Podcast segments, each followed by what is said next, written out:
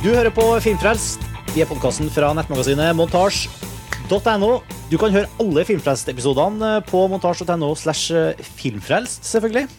Eh, Men nå har vi jo kommet til Oi. Folkens, hvilken episode har vi kommet til? 90. 90 Nei, vi fikk lov å snakke før vi ble introdusert. Ja, vi har kommet til montasje 90. 93, er det. Nei, det er 93, ja. 93. Jeg heter Martin Sivertsen, eh, og du som fikk snakke før du ble introdusert der, var Karsten Weinik. Ja, hei. Hallo, hallo, Karsten. Også med over Skype, Lars Ole Kristiansen. Hei, hei.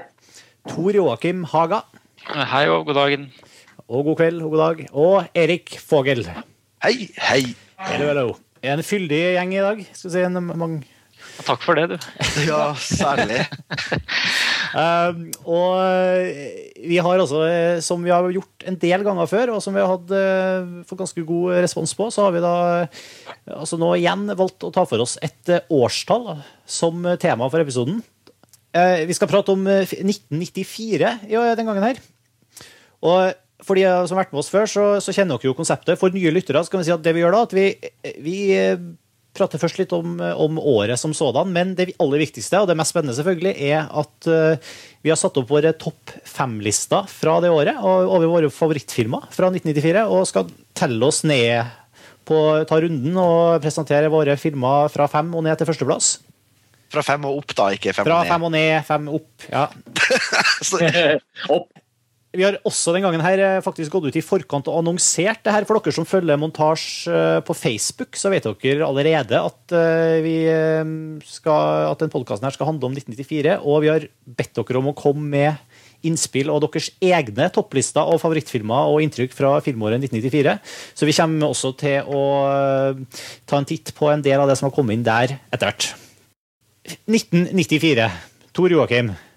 Ja, Jeg vet at du har eh, hatt veldig lyst til å være med på sending her, fordi du har et spesielt varmt forhold til Jeg vet ikke om det er 1994 som sådan, eller om det er liksom de tidlige 90-tallsårene.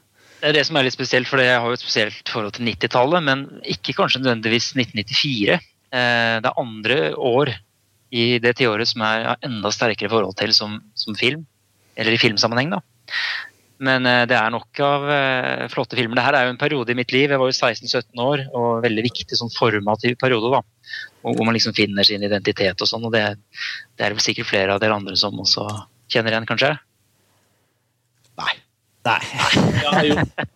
jo, det var mer sånn Lillehammer-OL og fotball-VM i USA og sånn. Det var kanskje litt større sånne definisjonshendelser, kanskje. Eh, I hvert fall for min del. Jeg var bare 11, da, for jeg fyller år sent på, sent på året. Men, eh, men det er jo et minneverdig år uansett også. Gjerne også fordi at liksom den halen av VHS-er som jeg da oppdaget sånn noen år senere, mange, mange av godbitene der var jo fra 1994. Ja, jeg, jeg bodde jo i USA, eh, husker jeg. Og jeg, jeg, jeg husker jo altså jeg har jo forhold til mange av filmene fra 1994, men jeg, kan ikke huske at jeg så så veldig mange av dem på kino i 1994. Jeg, satt, jeg så veldig mye på Star Trek og sånn på TV, husker jeg. Men det er liksom eh, så, så det er veldig gøy å gå gjennom og se hvilke filmer det faktisk var som, som kom det året. Og, og, og jeg, er ganske sikker på at mange av dem så jeg for første gang på VHS. Altså. Og, enn en du, Lars Ole? Eh, 1994. Ja. Eh, da var jeg fortsatt såpass ung, så eh, I selve året 1994 så Det var nok mest preget av 'Løvenes konge', tror jeg.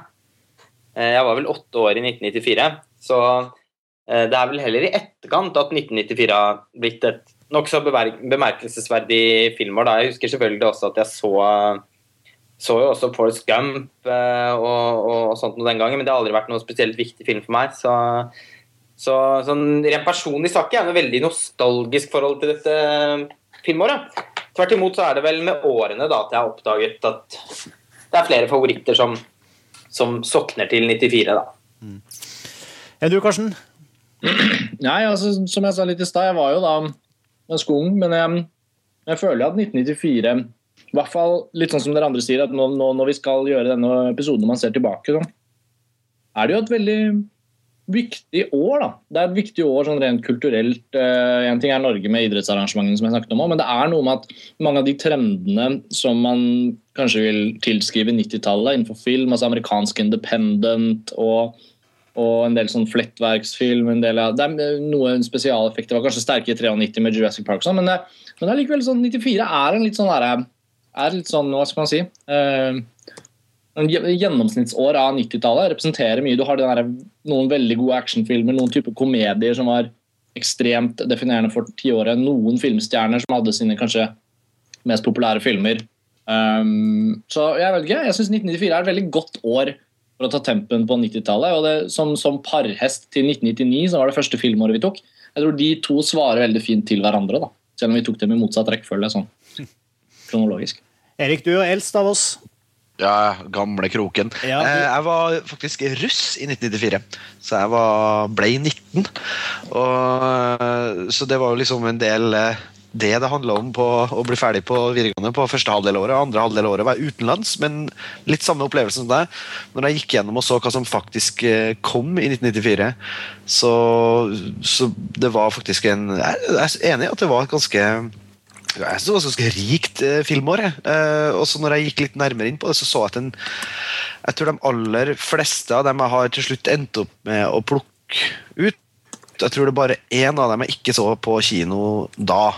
Eller da den kom. Jeg har ikke helt oversikten over de eh, norske premierene og, i forhold til produksjonsår og den slags, men, eh, men eh, jeg er enig med Karsten. Altså, det, er et, det er et spennende filmår. Um, og med mye bredde, syns jeg. Mange, mange Uh, ja, altså Spesielt interessant det med, med amerikansk independent film, og det at også faktisk Hollywood lager en del snålfilm, uh, som uh, sikkert kommer til å bli snakka en del om her i, i løpet av, eh, av den nærmeste Ja, jeg vet ikke hvor lenge vi skal bruke. det vel alltid, alltid et mysterium. La, la oss si den neste kommende timen. Men Sånn du, du kan jo få begynne, Erik, med å Ja. fortelle om din, eh, hvilken film du har på femteplass. Ja, og på femteplass er det en film som man på en måte ikke kommer unna på den ene eller andre måten når man snakker om 94, tror jeg. Og det er en film som helt sikkert kommer til å figurere veldig mye på deres lister, kanskje også høyere opp, nemlig Pulp Fiction. eh, Skrevet og regissert av Quentin Tarantino. Som eh, eh, fortsatt en dag i dag Jeg hadde et nylig gjensyn av den den gikk på TV, men så den da den kom på kino, og syntes jo som alle andre eh, at det var verdens kuleste film. Eh, og syns jo fortsatt en dag i dag den er jævlig bra. Eh, men begynner kanskje å se at det er tilfellet av at, at delene, eller summen av delene kanskje overgår helheten. da. Eh, og, men, men den er absolutt den er med på topp fem-lista mi fordi den de enkeltdelene er så sublimt bra. Det er liksom Tarantino eh, etter han har eh, har modna fra den første filmen sin på en måte, og, og og, enda mer dristig her når han jobber med, med tidshopp og alle mulige sånne ting, type ting. Og ekstremt minneverdige karakterer i eh, egentlig veldig ofte banale situasjoner, som Tarantino er ekspert på, eh, som han smører utover. Og, og ikke minst den humoren, og vi, herregud, eh, vi siterte jo denne filmen i flere år etterpå. Eh, og eh, ja, jeg har, Den kommer helt sikkert til å bli snakka veldig mye mer om senere i sendinga også, men, eh, men det er i hvert fall en film som bare må med uh, på en sånn liste. Den betydde for mye, også i forhold til uh, også mer sånn uh, for altså Den og et par andre filmer som vi sikkert også kommer inn på, eh, er eksempler på at eh, amerikansk film eh, hadde mange nye stemmer som, eh, som gjorde seg gjeldende det året. Utvilsomt en film vi kommer til å prate litt mer om. eh, men det kommer helt sikkert litt høyere opp på lista nå, så jeg tror vi, vi besøker den igjen også senere. Uh, Tor Joakim? Mm. Jeg har jo da også en eh, svært eh, kjent film på min femteplass, nemlig eh, 'Speed' av eh, Jan de Bont. Det er en, eh, en eh, actionfilm som alle kjenner til, med Keanu Reeves og Sandra Bullock eh, som kjører buss, blant annet. Eh, og styrer og steller og en bombe på bussen og sånne ting.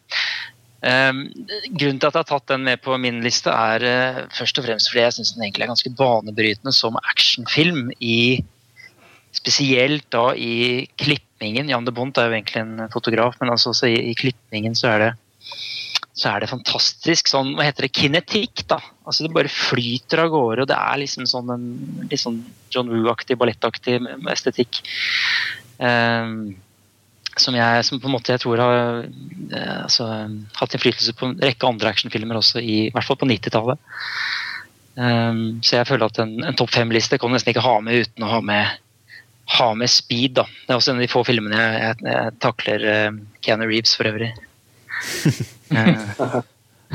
ja. jeg, jeg, jeg, kan jo bare slenge meg Jeg har jo også den på femteplass, uh, i likhet med deg. Og jeg, jeg har jo vet, Det var en av de filmene som jeg så veldig, veldig mye. Som jeg husker jeg hadde den på, på, på VHS og, og, så den liksom eh, Det var sånn en periode hvor liksom, det var en av de Det var jo sånn Før i tida så så man jo de samme filmene om og om igjen, for man hadde ikke så mange filmer. På VHS, ja. Ja, og det, altså, Da var Speed en av dem da, som jeg virkelig liksom fikk, fikk traktert seg. og og, jeg er jo helt enig at det er en av liksom de herre jeg, tror vi har snakket om det før på Filmfest at det er en av de her litt sånn uh, rendyrka actionfilmer som bare er utrolig godt spleisa sammen. Da. Og jeg, jeg syns fortsatt det, det, er et stykke herfra til, til liksom fullpolishen på en film som Die Hard. For eksempel, -hmm. sånn, for den er jo, det er jo en sånn uh, Speed er jo, er jo en treakter. Jo, for øvrig. Ja. Den har jo liksom tre sånne den, jo, den, kjører jo buss, men de har jo også en eh, sekvens først hvor de uh, kjører heis, og så kjører de T-bane. T-bane ja, er veldig markert i, overgangen, eller altså veldig sånn markert tre, trestruktur. Ja. ja, og de er jo ikke like Jeg vet ikke det, det er ikke, Jeg syns ikke den er like helstøpt, da. Selv om jeg er veldig enig i du sier at liksom, den, er, den er gjennomgående er veldig spennende. Og det som er kult med det, er at selv om det handler om fart og, og action, og sånn, så, så, tar de seg også ganske god tid, da, på en måte som man kanskje ikke gjør så veldig mye i actionfilmer nå lenger. Altså, de, tar seg, de, liksom, de har det ikke travelt, selv om, eh, selv om eh, det er en speed actionfilm. Liksom. De, de, bygger på en måte opp eh, situasjoner, de bygger opp rollefigurene, og, og det, du, liksom, du, du, du, blir sugd inn på en liksom, metodisk, rolig måte likevel. da. Når man setter den opp mot Die Hard, da, så kan man jo si at Speed med tanke på både skuespillerprestasjoner og manus og sånn, syns jeg er ganske mye svakere enn i Die Hard. Men der hvor Speed eh, virkelig lykkes, er jo som en high concept actionfilm. Og Der er jo den og Die Hard et slags tospann. Eh, det med at nesten hele handlingen i filmen foregår inni en buss. Eh, og, og, måten John de Bont, da, som jo er fotografen på, på Die Hard, og som ellers er Paul Verhoeven sin faste fotograf, måten han klarer å bygge opp suspens på i den lille settingen. Uh, det er nesten en sånn krysning mellom ja, Det er nesten et sånn rare window-element da, ved den filmen som funker utrolig bra, og som fortsatt holder, holder seg like bra i dag. Det er ikke så bare tre år, par-tre år siden jeg så den filmen uh, igjen, og jeg ble slått av hvor bra den tåler tidens tann, egentlig. da. Det er liksom så veldig bra håndverk, og det, jeg tror ikke det er tilfeldig liksom, at den, den er blitt uh, gjennomanalysert i akademia. altså Christine Thompson blant annet, har skrevet en, en, god artikkel om den. Er liksom, den er veldig definerende da, tror jeg, for, eh, for 90-tallet og for actionfilmen på 90-tallet spesielt. Ja, og særlig for den high concept actionfilmen. Da, den... ja, ja. Mm. Er det liksom nå vi snakker om speed, da? Ja. Og hva kastet alle seg på? Ja, kom igjen, har du, har du speed? Ja, ja, men det, er, det er en stund til jeg skal Ja, ok. altså Hvis du har den på lista, så må du, Kom igjen, Karsten. du komme ja, altså. Jeg har Speed på andreplass. Jeg, jeg syns det er helt fantastisk. Jeg har vurderte filmer opp mot hverandre og jeg er veldig enig i alt du sier. Men når alt kommer til alt, så syns jeg liksom 94 har nå som jeg har liksom sittet og tenkt og tenkt og tenkt på det, så slår det meg liksom at det er de filmene som er så bra at man bare når som helst kunne slått de på. da. For jeg har liksom, Det er ingen sånne enorme liksom, fire timer lange thailandske kunstfilmer som jeg strengt tatt ikke ser så ofte, men som jeg syns er den beste. Det er liksom ingen filmer fra 1994 som er sånn det er bare sånne filmer som er så bra at man har lyst til å se dem hver eneste dag. hvis man har tid og kunne forsvare det. Og Speed er bare Elimineringsmetoden så den bare steg, til, den steg veldig høyt. Fordi jeg syns det er nesten en helt perfekt film hva den prøver å være. Og den og Die Hard er tilnærmet likestilte. Hvis Die Hard var fra 1994, så ville den vært på førsteplass. Eh, men Speed er på andreplass, og jeg, det merker jeg kan stå veldig veldig inne for. Det var sånn tilfredsstillende når jeg skulle forberede til denne episoden. Da, men dere sa jo mesteparten av det jeg også ville trukket fram. Da, den posisjonen som actionfilm, så jeg trenger ikke si så veldig mye mer. Men den er på min andreplass. Men hva er på din eh, femteplass, da, Karsten? Ja, det er så hyggelig at jeg fikk fortsette. Jeg. Altså, på femteplass har jeg tre filmer. Tre Det- filmer. Det, er- det er ikke Ja. lov. Nei, jeg vet det, men eh, jeg skal forklare meg. Altså, 1994, nok en gang. Altså, det er det der litt sånn derre Jeg har veld, nesa veldig ikke i været når det kommer til denne, eh, denne episoden her. Femteplass for meg må være uh, Jim Carrey. Og da mener jeg The Mask, Dum og dummere og Ace Ventura, som alle er fra 1994. Og det var jo, Jeg så alle på kino. Jeg så alle flere ganger på VHS eh, kontinuerlig. Og hvis en av de er på TV, så ser jeg den. Uh, og det er jo selvfølgelig veldig vanskelig å argumentere for hvordan de tre filmene rent sånn kunstnerisk og filmhistorisk og formmessig nødvendigvis inntar noen sånn sterk, tung filmhistorisk posisjon. Men det ablegøyeverket som Jim Carrey etablerte i de tre filmene, og som delvis var med å definere hele liksom, komedietradisjonen i amerikansk mainstream-film på 90-tallet, det er så godt manifestert i de, de tre filmene. Da. Både altså, karakterutøvelse og liksom, oppfinnsomhet og, og på en måte dead, deadpan og utrolig plump humor i blanding. Litt sånn preironisk 90-tallshumor. Jeg bare syns det er helt sublimt, egentlig. Men så jeg er den første til å anerkjenne at de er liksom i hermetegn dårlige filmer. Da. Men jeg kunne ikke presentere en liste i dag uten å trekke fram Jim Carrey og det han gjorde i de tre filmene. Da foregrep du meg òg, men det er greit, det. så bra! Oh, yeah. Jeg er veldig enig, Karsten. Smoking. Er, Ja, ikke sant? Altså, sitt med de tre filmene hvis liksom eh, Enten om noen år når man har kanskje en ung sønn eller datter, eller hva som helst. Hvis noen sier sånn Åh, kan vi se en av de? Veldig vanskelig å si nei. Ikke sant. I hvert fall for meg, da. Så derfor vil jeg Jeg har ikke så innmari mye mer å si enn det, men jeg syns det var viktig å trekke dem frem. Ja, applauderes. Veldig bra. Lars Ole, hva er din uh... Ja, nei, det er ikke noe Jim Carrey på min liste, er jeg Ikke redd. på femteplass. Men eh, mange titler som jeg i utgangspunktet skulle hatt med. Og, og det var titler som altså, Barcelona, Whit Stillman, Crooklyn av Spike Lee, Bullets Over Broadway Woody Allen, og ikke minst Løvenes konge. Og at den ikke har havnet på listen, merker jeg at jeg har så store problemer med at jeg bare må nevne det. Fordi det er selvfølgelig jeg opplevde som desidert viktigst i 1994, og som fortsatt er en film jeg er veldig glad i. Men i ettertiden så er det andre Disney-filmer som eh, Aladdin og Den lille havfruen og The Beauty and the Beast som nok har blitt enda, enda viktigere for meg enn Løvenes konge, så derfor kunne jeg ikke ha med den. Og endte da med å ha Pulp Fiction på femteplass, som Erik. Og, og det er på en måte egentlig sjokkerende lavt. Jeg hadde også problemer med å sette den på en femteplass. Det er jo den desidert Sannsynligvis den desidert mest innflytelsesrike filmen fra hele 90-tallet. Og, og enkeltscener i Pulp Fiction vil jo alltid kunne liksom nevnes som, som noen av de beste kanskje i hele filmhistorien. Eh, men det er nok litt som Erik sier, at i dag så er nok summen av delene kanskje større enn helheten. da.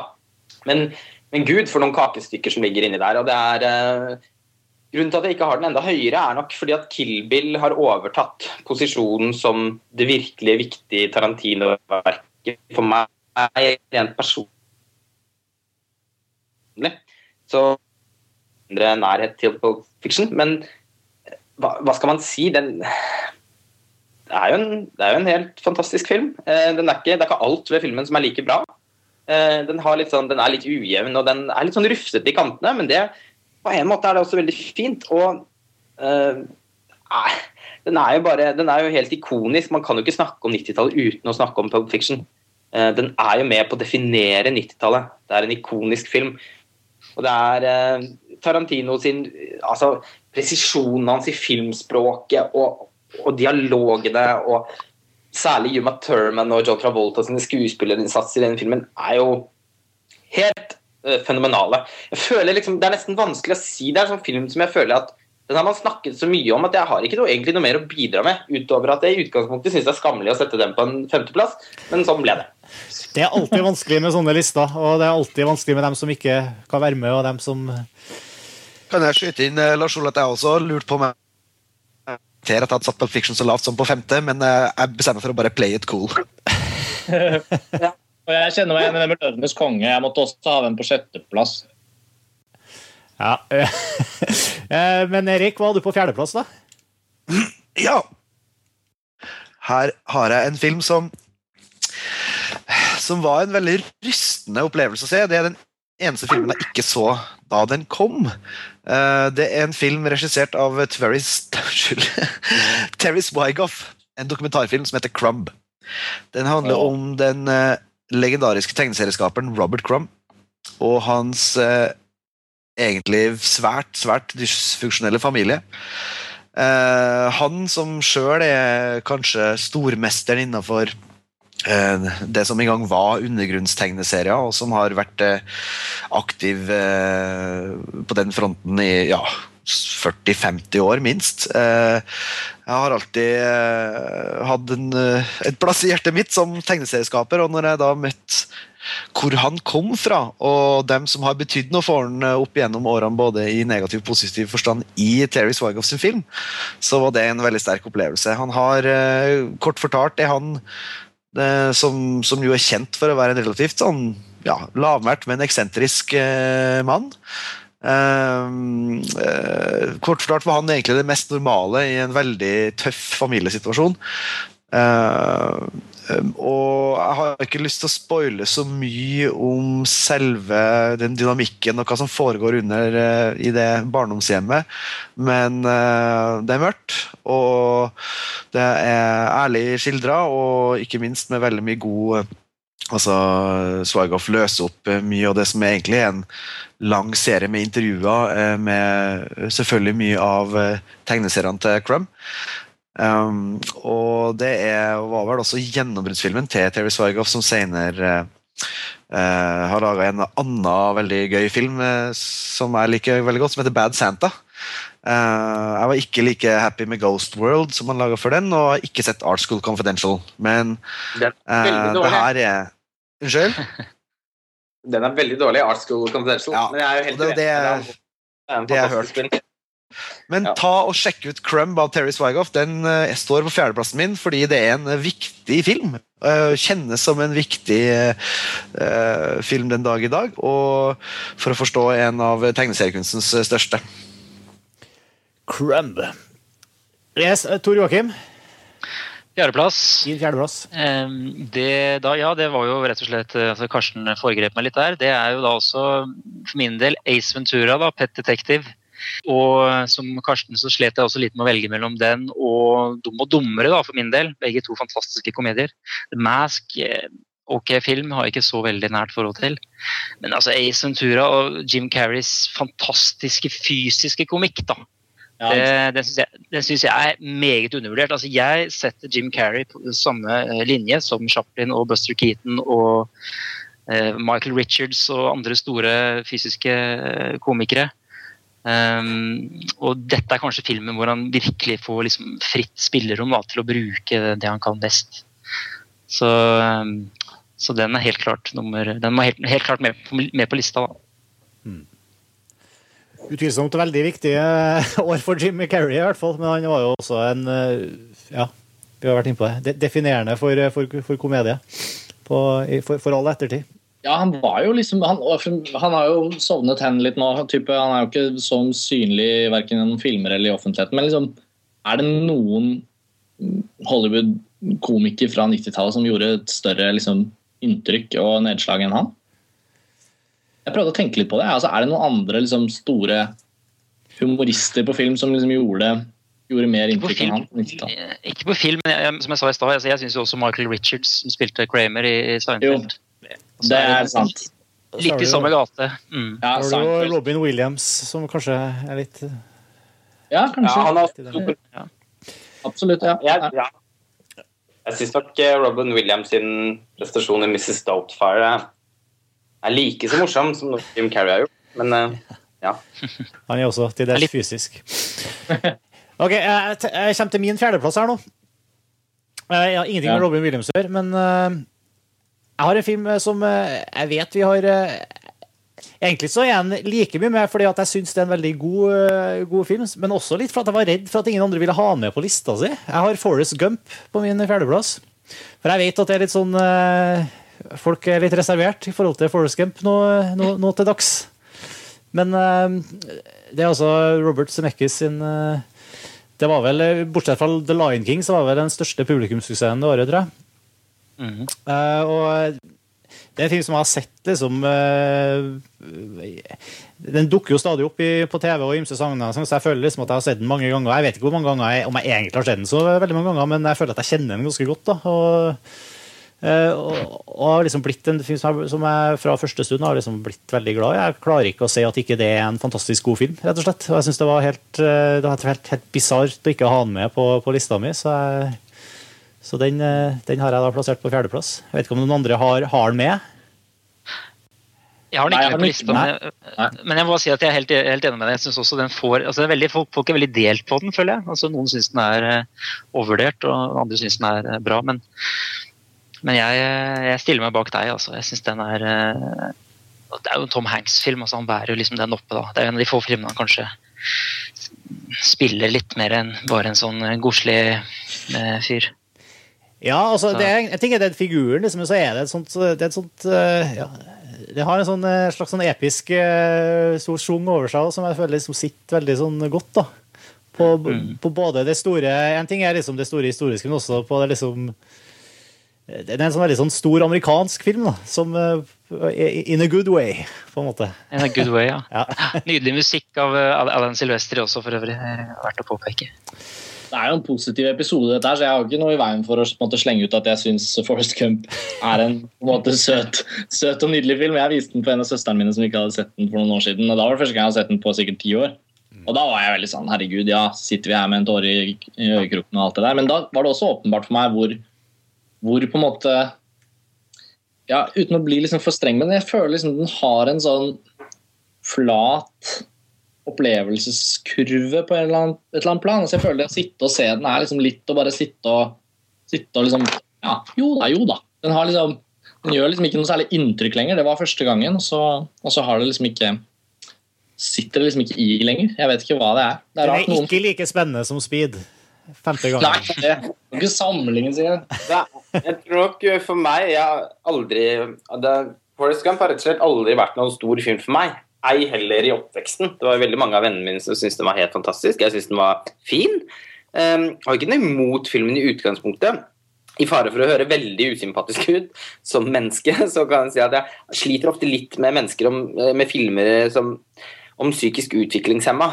Være seg My Left Foot eller, uh, eller I Am Sam og I'm for it, gun. Life like a box of chocolate. Det er noe et eller annet med det som Jeg føler at de figurene på film da, jeg ofte blir veldig sånn søte, enkle typer som jeg er veldig lite fascinert av.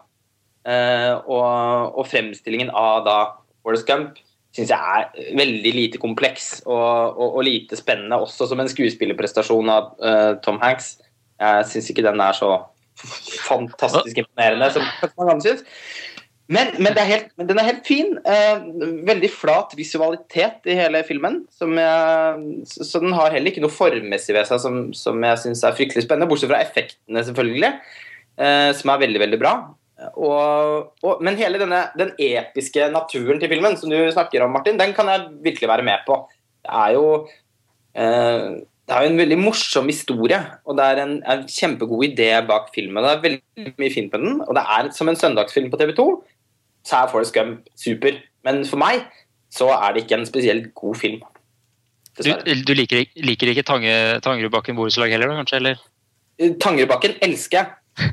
Ja, ikke sant. Eh, det ser jeg på helt slavisk. Det er ordentlige mennesker. Og ikke Hollywood-skuespillere som forsøker å spille psykisk utviklingshemmet. Det er kanskje det elementet jeg har mest problemer med. Jeg skjønner hva du mener. Jeg er glad jeg fikk slått et lite slag for Forest Gump, i hvert fall. da. Ja, ja. Det, det er bra. Uh, men Karsten, ja? din fjerdeplass var fjerdeplass. altså ikke Forrest Gump, vet jeg. Nei, men det er en annen veldig veldig, veldig, veldig kjent film fra 1994 som amerikanerne har laget, og som kanskje noen andre har høyere enn meg. Men fjerdeplass er altså 'Frihetens regn'. The Shawshack Redemption, eller i hermetegn verdens tidenes beste film. Ifølge IMDb. Ja, hvis man til ratingen på IMDb. Og jeg har ikke én negativ ting å si om 'Frihetens regn'. For meg er det en av disse filmene som er helt sånn, altså sånn en, Som en sånn perfekt søm. Både emosjonelt, formmessig, fortellingen, spenning, humor. Alt er bare sånn Det er bare en sånn nydelig, perfekt sammensatt film som jeg også føler jeg kan se Uh, jeg ville ikke sett, Hvis den og Speed lå på bordet, så ville jeg nok valgt Speed. Fordi jeg har mer eh, sansen for den typen filmopplevelser. Men uh, 'Frihetens regn' er jo bare Det er en helt fantastisk film. Det er Til det punktet at den nesten er litt sånn kjedelig å snakke om, for jeg vet ikke helt hvor man skal begynne. Altså, Den er bare helt utrolig fin og nydelig, og derfor er den på en sånn akkurat passe sånn fjerdeplass. Det er et eller annet med å, er se en film hvor du blir så, som publikummer altså så godt ivaretatt av et slags A-lag i alle ledd. da, Ja, i en filmfortelling. Eh, Det er Shawshank Redemption. Den er lang, så vidt jeg husker. Ja, det er en Eh, timer. men den Hva sa du? Er det ikke tre timer omtrent? Ja, ikke sant? Den er liksom det lang eh. Det er som å lese en lang og god roman på en måte i, film, eh, i filmformat. da. Og, men du er godt eh, dulla med hele veien, og det er, det er rett og slett supersolid. Herlig film. Ja. Men da den Jeg tenker- mangler kanskje det der Hvis man skal sånn Nei, nei, nei, nei, den har jo det. Shawshank Redemption er på min andreplass. Eh, Ja, ha samme her. og jeg, Ok, da, kan dere, da er det litt viktigere egentlig å høre på dere, faktisk. For det, jeg synes det, Innenfor filmsnobbekretser så syns jeg det er en fryktelig undervurdert film. Man kan jo aldri si at Shawshank Redemption er en undervurdert film, eh, jf. Interrupt Movie Database. Eh, Men det har nesten virket mer mot filmen enn for den. Eh, Det som jeg eh, synes er litt interessant å snakke om rundt Shawshank Redemption, er det faktum at det er en debutfilm. Eh, Og Frank Darabont sitt talent som filmskaper er til å dåne av, syns jeg. Det er en av de mest perfekte debutfilmene som er laget noe, noensinne. Helt oppe på linje med American Beauty og Det er jo ganske, ganske fantastisk at han, han har bakgrunn fra etter jeg har forstått, han har bakgrunn fra scenen som Ja. teaterregissør, og at han da klarer liksom å overføre den intimiteten til et så episk format. Da. Det syns jeg er ganske fascinerende med den filmen. Det er fascinerende, og det er nesten en sånn kubliksk presisjon i filmspråket hans. Det er ikke en tagning i den filmen som ikke, er, som ikke forteller. Altså, eh, I motsetning til altså, Der eh, skiller han jo seg i og for seg fra Kubrick, da, som også kan være mer, mer abstrakt og poetisk. Men, eh, men filmen har en helt vanvittig fortellerkraft. Eh, det, er ikke, det er ikke en scene som ikke bidrar til narrativen. da. Det er ikke noe som kunne vært tatt ut av den filmen. Alle replikkene bidrar til å utvikle historien, eh, nyansere karakterene. Hvert eneste ja, som sagt, Hver eneste klipp, hver eneste tagning føles det er nesten som å se en slags ballett, syns jeg. Det er perfeksjonert helt til fingerspissene. Formspråket i den filmen er helt eventyrlig, og det syns jeg snakkes veldig lite om. da. Ja, det er sånn enig. det drømmelaget du snakket om, Erik. da. Altså at Med Roger Deakins på foto og mm, musikken til Thomas Newman Ja, den er Jeg husker feil, så han klippet liksom, han som klippet for Fincher og så Seven. jeg husker ikke navnet hans, men det er liksom sånn jeg husker flere ganger stoppet opp og tenkte sånn her, det er liksom Alle er på sitt absolutt beste. da.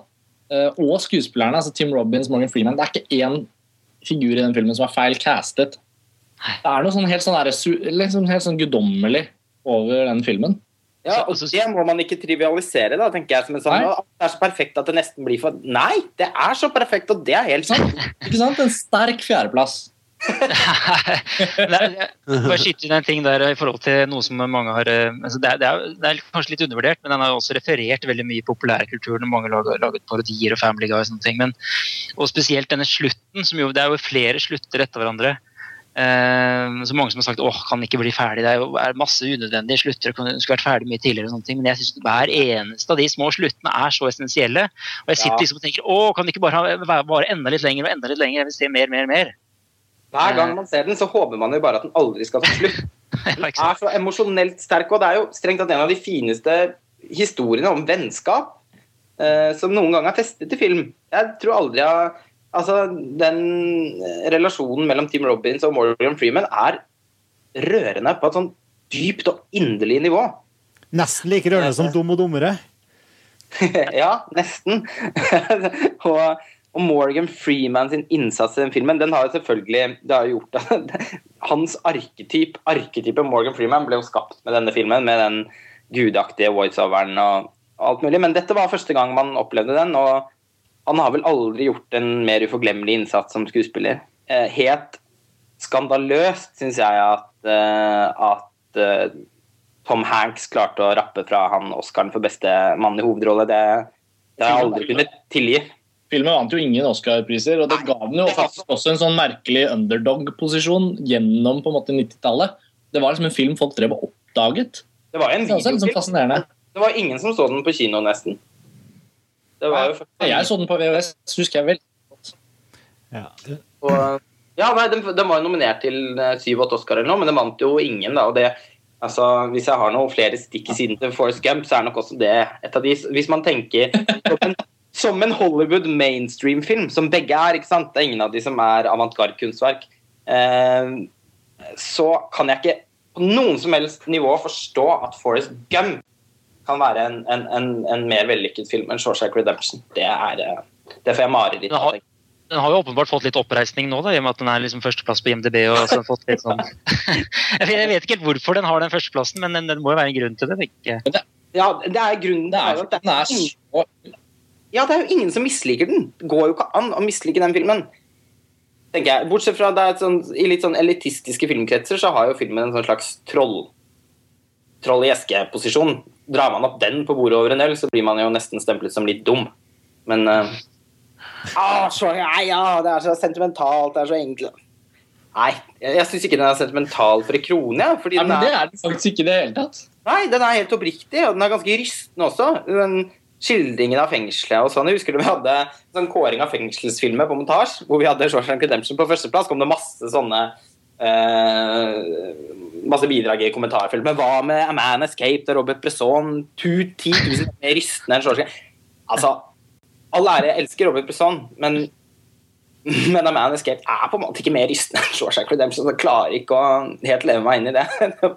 Så, man må Det trenger, være det trenger ikke være rystende fordi det er en fengselsfilm. altså Det er bare rammene rundt det. ikke sant? Altså Det er jo andre temaer i den filmen som er, eh, som er mer Ja, ja, som langt på vei overskrider eh, det, selvfølgelig. Altså. Eh, Jeg prøver ikke å meisle den inn som en sånn sjangerfilm, men eh, eh, men, men jeg mener med at den ikke er sentimental altså den, den er jo også en ganske brutal skildring av hvordan det av hvordan det er Hvordan det var, ja. Hvordan det var, sa han og ramla ut av skarpen. Kan gå, gå videre, da. Så Vi, vi, kan gå videre, men vi, Ja. vi må dessverre gå videre med Lars Ole, så vi må få inn Lars Ole igjen. ja, men når så mange har den på andre altså, Den er jo tydelig representert. Ja. Der eh, kom høyere makter og avbrøt deg, Lars Ole. Det var et signal på at, om at vi skulle gå videre til neste film, og det er jo faktisk din fjerdeplass. Ja, det var min fjerdeplass. Eh, Det er 'Sorte engler', 'Heavenly Creatures' av Peter Jackson. Som eh, er en utrolig, altså usedvanlig energisk eh, film. eh, Som forteller en historie om to venninner på New Zealand. eh, Som, som utvikler et, et vennskap som foreldrene til hun ene hovedpersonen, da, som spilles av Mel Melanie Linsky, eh, syns utvikler seg i litt usunne retninger. Så moren hennes bestemmer seg da for å separere, separere de to. Og, og det ender da med at eh, de bestemmer seg for å ta livet av hun moren. Det er da visstnok basert på, på, en, på en sann historie. eh, Som, eh, som har blitt en sånn liten sånn, nesten sånn folklore, da, sånn som jeg har skjønt det, på, på New Zealand. Og utrolig liksom nesten sånn, Det er nesten sånn frekk visualitet i filmen. Veldig mye mobilt kamera, sånn à la Sam Raimi, som man også kan se i Peter Jackson sine senere filmer. Eh, Veldig mye sånn sprelske innfall hele tiden. Eh, De to venninnene lever seg også inn i en sånn eventyrverden som eh, Peter Jackson selvfølgelig visualiserer på en utrolig spennende, spennende måte. Kjempegodt manus. Utrolig morsomt og sånn tørrvittig. Veldig sånn, filmen bærer veldig preg av sånn beksvart eh, humor. Som, eh, som, eh, som, som skuespilleren også klarer å formidle veldig veldig bra. Peter Jackson fikk jo Oscar-nominasjon for, for manuset. Og det er jo 'Sorte engler' som på en måte er pitchen på hva han kan klare som filmskaper. Jeg er overbevist om at det er den filmen som til syvende og sist fikk New Line Cinema til å investere fryktelig mye penger i, i 'Ringenes herre'-prosjektet. Jeg tror ikke det var Bad Taste som, som var dråpen i, i det begeret der. Eh, en annen, eh, en annen eh, ting å merke seg med filmen er jo at at det er Kate Winslet sin første rolle. Det var jo Peter Jackson som oppdaget henne. Hun husket også på å takke han når hun vant Oscar for The Reader for noen år siden. Det syns jeg var veldig rørende. Og hun gjør jo en av sine mest uforglemmelige rolleprestasjoner eh, i nettopp Heavenly Creatures. Det er en utrolig fandenivoldsk, vanvittig rollefigur som man aldri glemmer. Og det er en sånn nesten sånn forheksende stemning i hele filmen som, som alltid har fascinert meg hver eneste gang jeg har sett den. Jeg hadde en tradisjon nå hvor jeg så den, eh, så den hver desember. Det hadde nok litt med, at, eh, med 'Ringenes herre' å gjøre, for da ble det liksom Peter Jackson sin måned. ble desember. Så da ble 'Sorte engler' en del av det. Eh, så jeg så den, har sett den mange ganger. og merker alltid at jeg gleder meg til neste gang jeg skal se den. Nå er det lenge siden sist, men den fortjener virkelig den fjerdeplassen på lista. For det er en film jeg kjenner en sånn veldig sånn fin kjærlighet til. da. En liten, rufsete og veldig, veldig fin film. Det er mange har, det er mange på Facebook-kommentarfeltet som også har, eh, har nevnt eh, Heavenly Creatures som en, eh, som en viktig film det året. Jeg har ikke sett den. Har dere andre den på lista deres, eller? Jeg har ikke sett den. Jeg har den ikke på listen min, men det er en veldig fin film. Jeg støtter veldig at den trekkes frem i dag. Jeg, jeg har ikke hatt anledning til å se den flere ganger enn den ene gangen jeg så den på filmklubb. Um, ved årtusenskiftet omtrent, tror jeg. Like før 'Ringenes herre' så hadde jeg en veldig sånn muligheten til å se mange av Peter Jacksons gamle filmer. og mange av de jeg ikke hadde sett. Jeg husker den som kjempegod. Men den har også ikke vært ordentlig tilgjengelig på, på DVD og Blu-ray før egentlig inntil nylig. så vidt jeg har skjønt. Så, så, det er en sånn typisk film jeg lenge har tenkt at jeg skal se igjen. Og det vil jo definere litt hvor den står for meg. Så den, den havnet nok litt ned på listen bare fordi jeg ikke kjenner at jeg husker omtrent hvor god den var. Da. Jeg har bare et veldig godt minne av den. Så jeg støtter for så vidt det du sier, Lars Olom. Eh, den, det skal, I forhold til det du sier om eh, DVD-distribusjon, sånn, så har den jo eh, jeg, jeg, har en kanadisk DVD-utgave av den filmen, og det tror jeg fortsatt er den eneste som er, util, som er, tilgjengelig. Nå vil jeg til og med tro at den sannsynligvis også er ute av produksjon.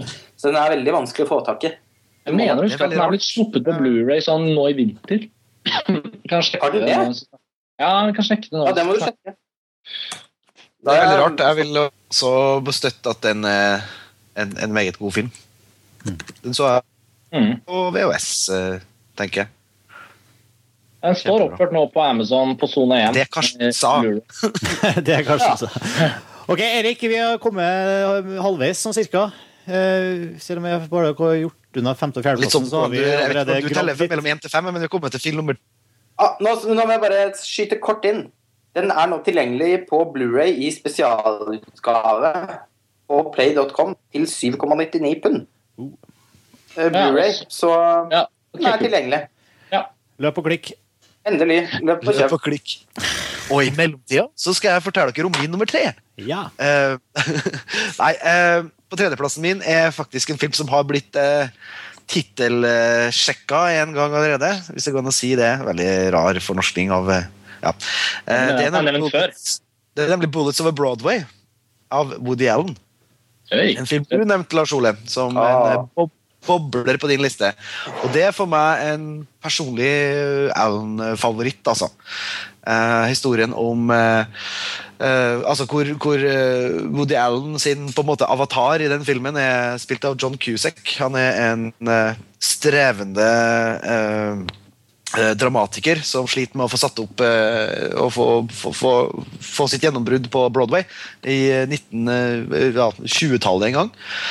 Eh, men så får han, eh, får han det til, men det fins noen eh, haker ved det. Det er nemlig at eh, produsenten har funnet penger hos en eh, stor eh, mafiaboss. Eh, og eh, en forutsetning er at mafiabossens eh, kjæreste skal spille en stor rolle i det stykket.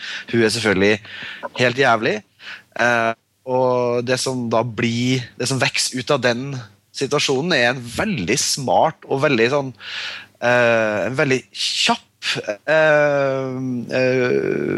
komedie. Altså en skikkelig, vil jeg kalle det, sprudlende film. Etter hvert som filmen trer framover også, så eh, Jazz Palminteri har en sentral rolle som den gangsterbølla som skal passe på at alt går riktig for seg. Eh, som sitter bakerst i salen når, de, eh, når John Cusack prøver å få satt opp eh, stykket sitt og strir med, sitter med på scenen, så sitter han eh, og følger med. Eh, og, og etter hvert får jo han eh, sterke meninger om stykket, og, og, og, og begynner å, å blande seg inn i hvordan ting skal gjøres, og det blir etter hvert veldig, veldig, veldig morsomt. Um, jeg syns at det er ja, en av uh, Woody Allens uh, absolutt mest minneverdige filmer for min del, altså. Uh, en skikkelig gladfilm som jeg syns uh, jeg bare liksom får en varm følelse av å tenke på den dag i dag. Og jeg vet at ikke den er på en måte regna som kanskje topp fem i hans uh, filmografi sånn overall, altså. men, men, for meg var det Den traff rett hjem, uh, og den så jeg på kino faktisk uh, i 1994, det husker jeg. Jeg vet ikke hva som kom over meg da. Jeg gikk og så en Woody Allen-film og skulle være intellektuell. jeg vet ikke hva det var. Men det var i hvert fall en rasende, rasende fin forestilling, gitt. Ja, Har dere noe forhold til den? altså Lars Ole, du hadde den nesten med, men har dere andre sett den? Ja, jeg har akkurat sett den. Det er så morsomt Ja. at uh, den kommer opp. Altså, det var ikke pga. 1994-podkasten, faktisk. Det var uh, rett og slett fordi jeg har en sånn pågående prosess med en del Woody Allen-filmer jeg ikke har sett. Uh, nå Ja. føler jeg at jeg har fått sett en god del, men jeg har igjen liksom noen av de som jeg tenker at kan være viktige å se, da, av, de, av de beste, mest kjente. Og den har vært en sånn film. Bare dukket opp på platekompaniet for sånn 60 kroner, og så var jeg sånn Ja, den tar jeg.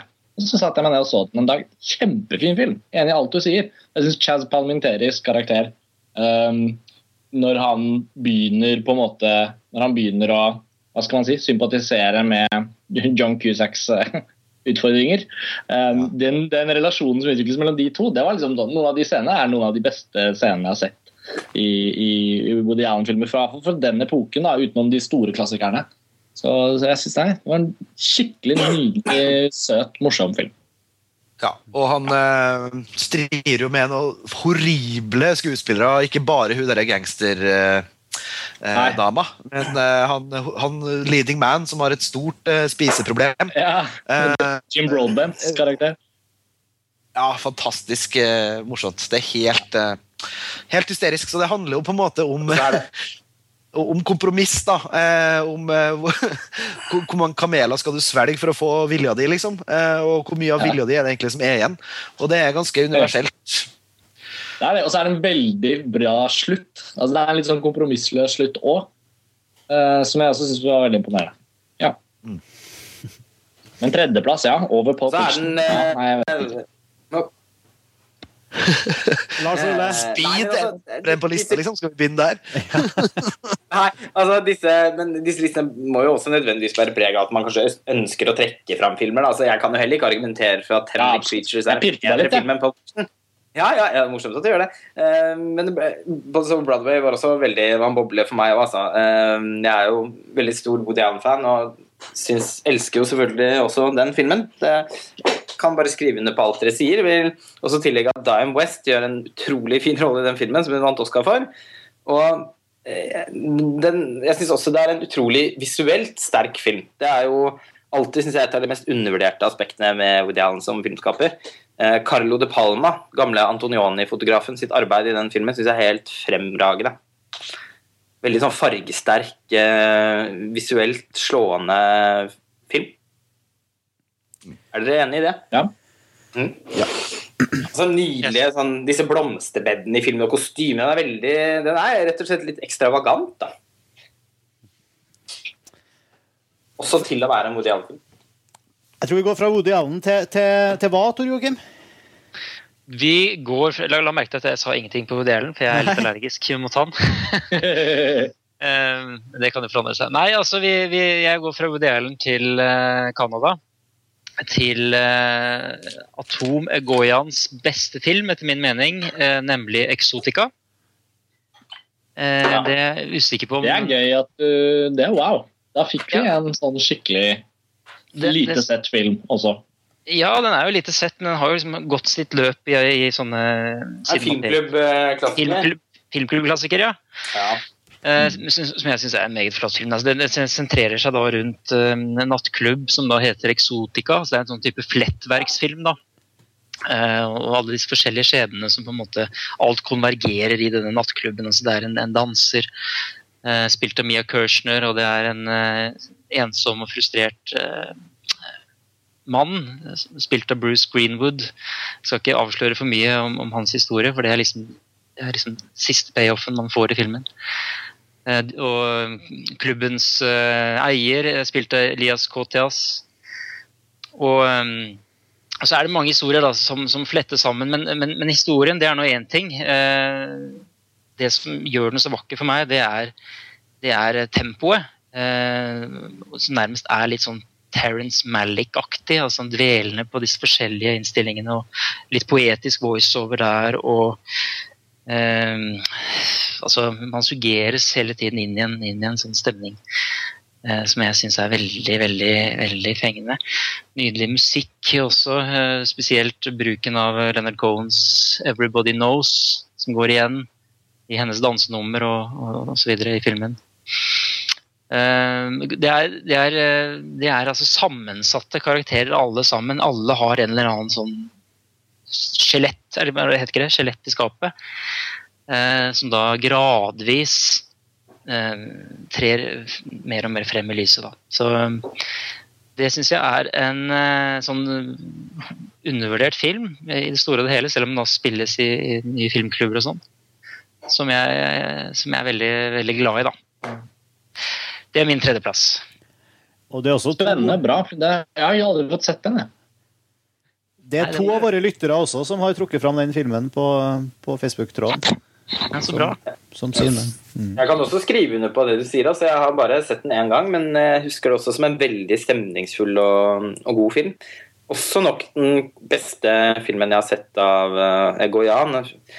Ararat og sånn syns jeg var ganske forferdelig. Så Den søte ettertid er hans beste Ja, film. det- det jeg har ikke sett Exotica, da.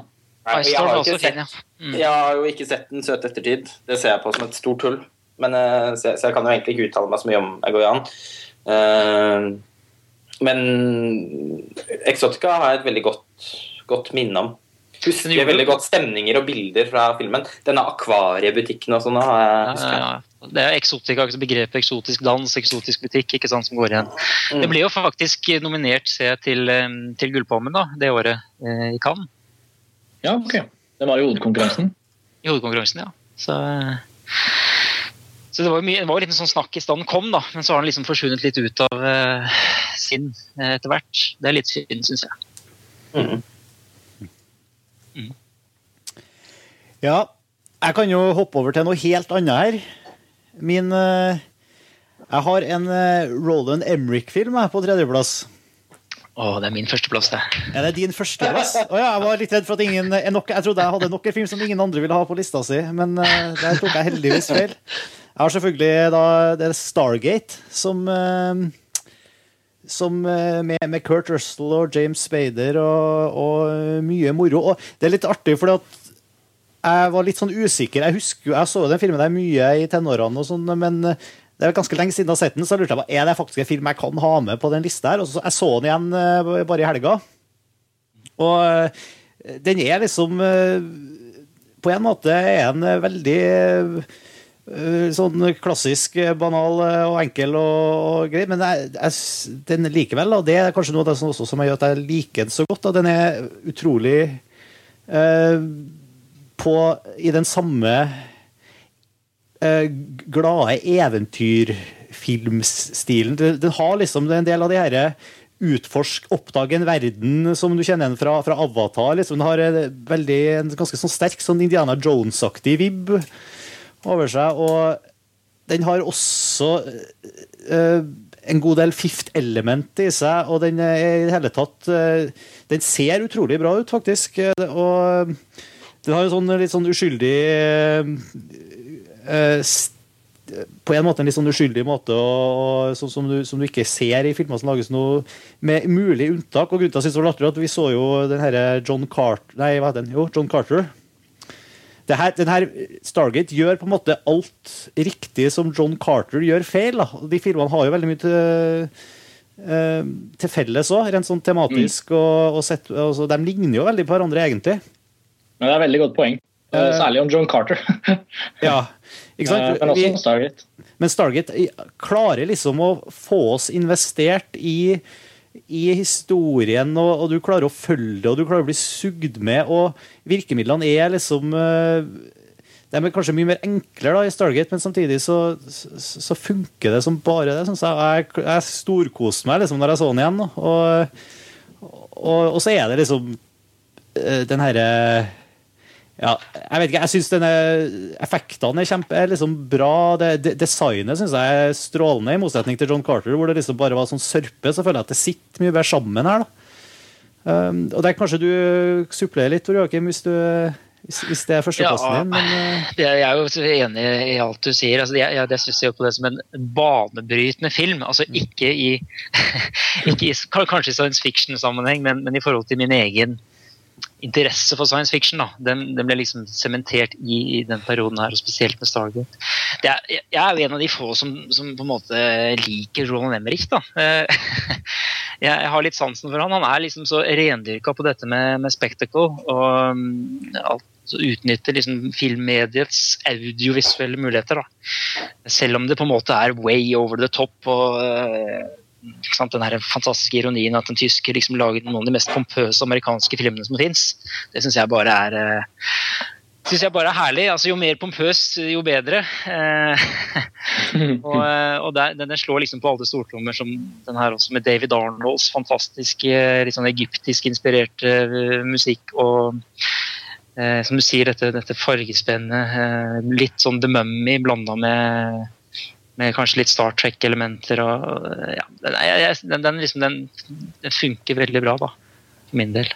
Men at det er noe sånn, at det er noe banebrytende science fiction-film sånn, det, det, det, som kanskje er banebrytende, er frisørjobben til Gert Russell. Han har filmhistoriens mest firkanta hår. Nei, jeg vil bare også støtte opp under uh, Emmerich-fandom. Uh, jeg syns ikke sjøl personlig da, at den her er det ypperste han har gjort. Jeg syns også den var solid, men jeg klarer ikke å få den til å liksom, lure seg inn på lista. Altså. Det er jo det er nok heller den uh, det er nok heller Independence Day, Day After Tomorrow 2012 dem, Den trilogien der. For min del, da. Ja trilogien som det, ja, det handler jo egentlig Alle all filmer handler om å ødelegge USA, men uh, det er jo også Godzilla. Må jeg si det, jeg har alltid syntes det har vært en veldig undervurdert film. Den, ja, ja. den liker jeg veldig godt. Ja, veldig bra. Men jeg, også, altså jeg vil også slenge på at jeg synes det Roland Emmerich holder på med, det er jeg veldig positiv til. Jeg syns ikke nødvendigvis han lager en bra film hver gang, men jeg er veldig glad for at han lager de filmene. Tenk hvis ikke noen hadde laget de filmene. Altså, man har jo lyst til å, vært et fattig sted. Man har jo lyst til å betale øh, summen av en kinobillett for å se det man ser i 2012. Det blir liksom ja. helt på siden av om det er en god film eller ikke. Man har veldig lyst til å, til å se noen av de bildene han lager. da. Jeg er med deg, men Tor Joakim, jeg er veldig med deg på at Star, hvis jeg skulle jeg har hatt det sånn at Stargate jeg tror ikke engang jeg har helt husket at det har vært Roland Emrik, for jeg tenker den er litt for bra for han. Altså Bra på de måtene han ikke er bra på. da. Um, men det er vel den og Independence Day da som står igjen som de to beste filmene hans. Sånn, som også er bra på andre måter enn det Emmerich bra. da. Jeg ble også litt slått i bordet av at han, jeg, når jeg skulle se en film her forleden, så uten å vite hvem som hadde regissert den, så leide jeg Anonymous.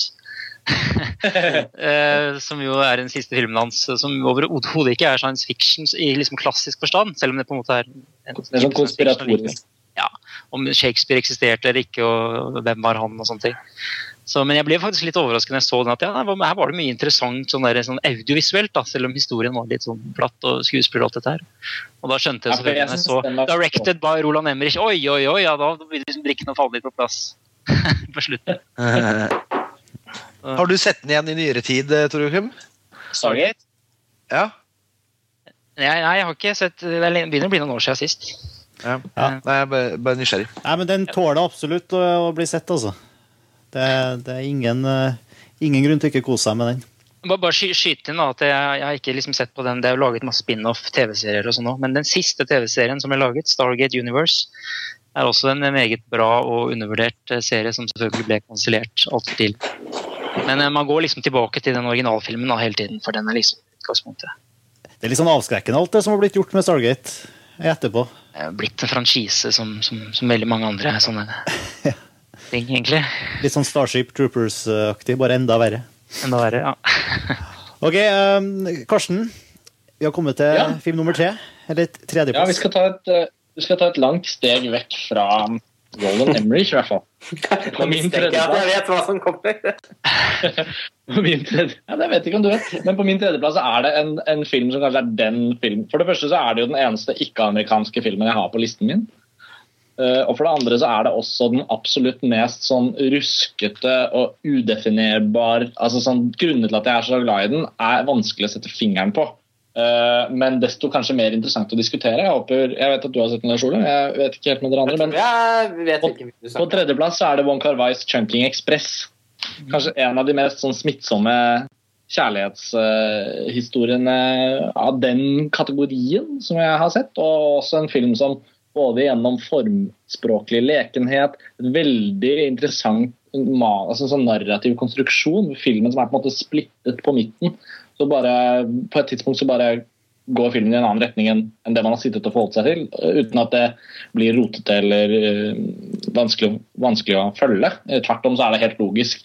Um, og det er en historie om, om rett og slett uh, mennesker som forelsker seg i hverandre, og hvordan man delvis blir irrasjonelle i søken etter å oppnå den kontakten med det andre mennesket. Hvilke grep man tar for å oppnå den kontakten. Og, og Kar-wai utnytter denne på en måte litt sånn basic kjærlighetstematikken til å la liksom sine egne Jeg vet ikke hva skal man si. liksom Hans sensibilitet og på en måte referansegrunnlag, alle de tingene som vi da ser enda tydeligere også i Happy Together, som kom senere, og så i, i The Mood for Love, som liksom er mesterverket hans. da.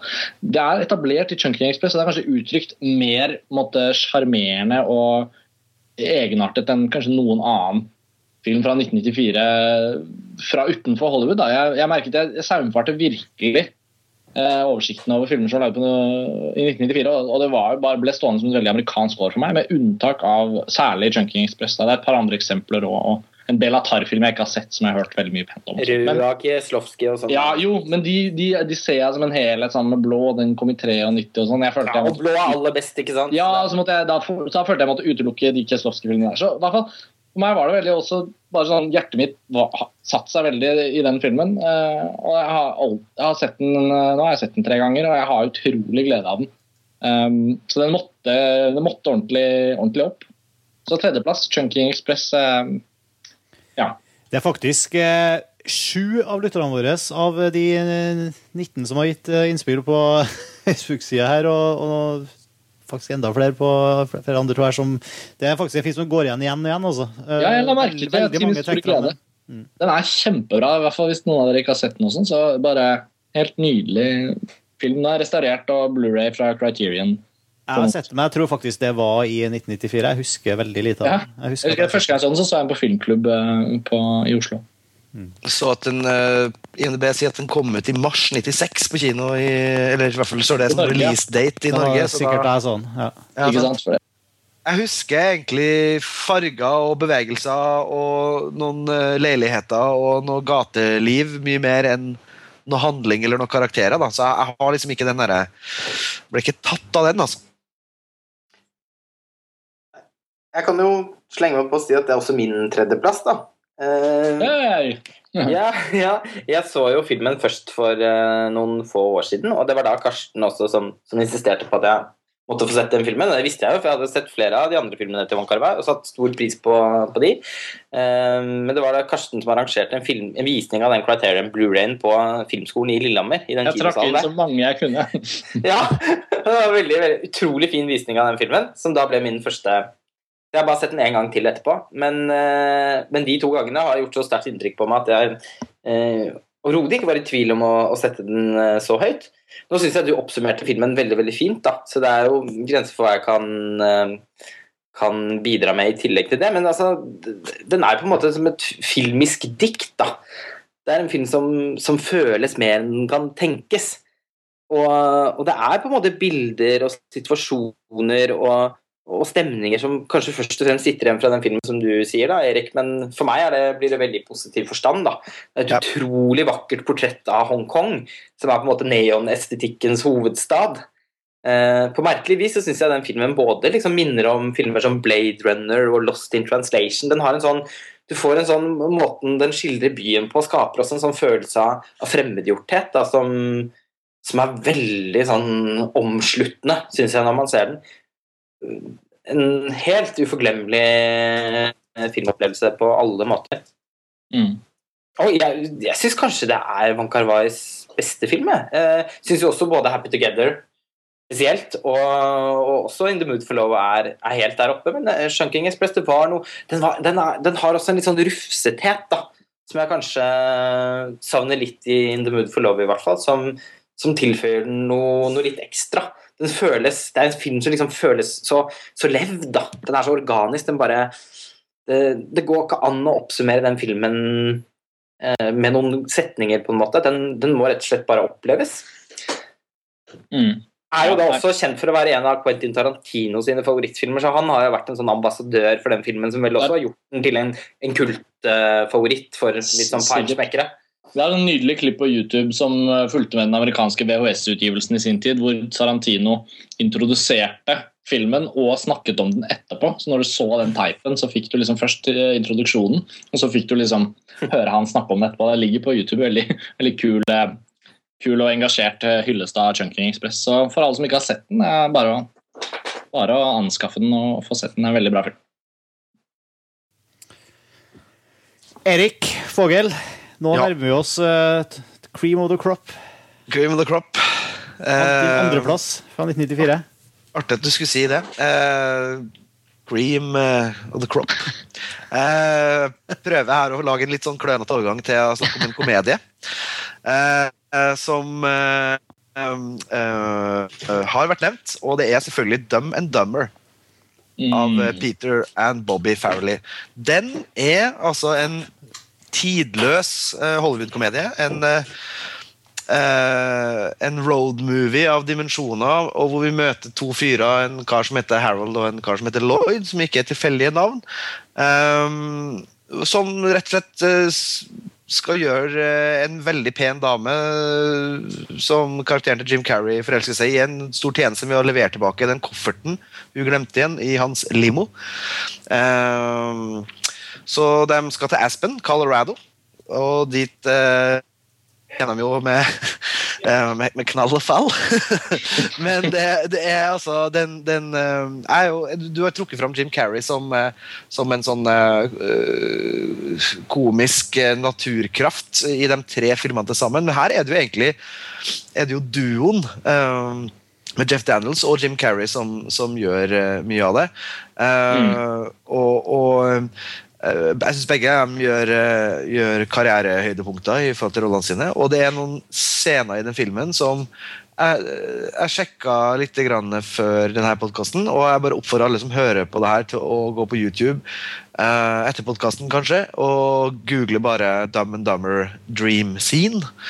Og få den her fire minutter-montasjen av når han egentlig kjører bil på natta, han Jim Carrey, og kanskje har litt problemer med å holde seg våken, og drømmer om hvor bra alt skal bli når han kommer fram med kofferten, og han møter hun dama igjen, og hvor akseptert han blir i vennegjengen, og hvor grisebank han gir alle de slemme kung fu-folkene eh, som ødelegger middagen de har sammen, den romanske middagen.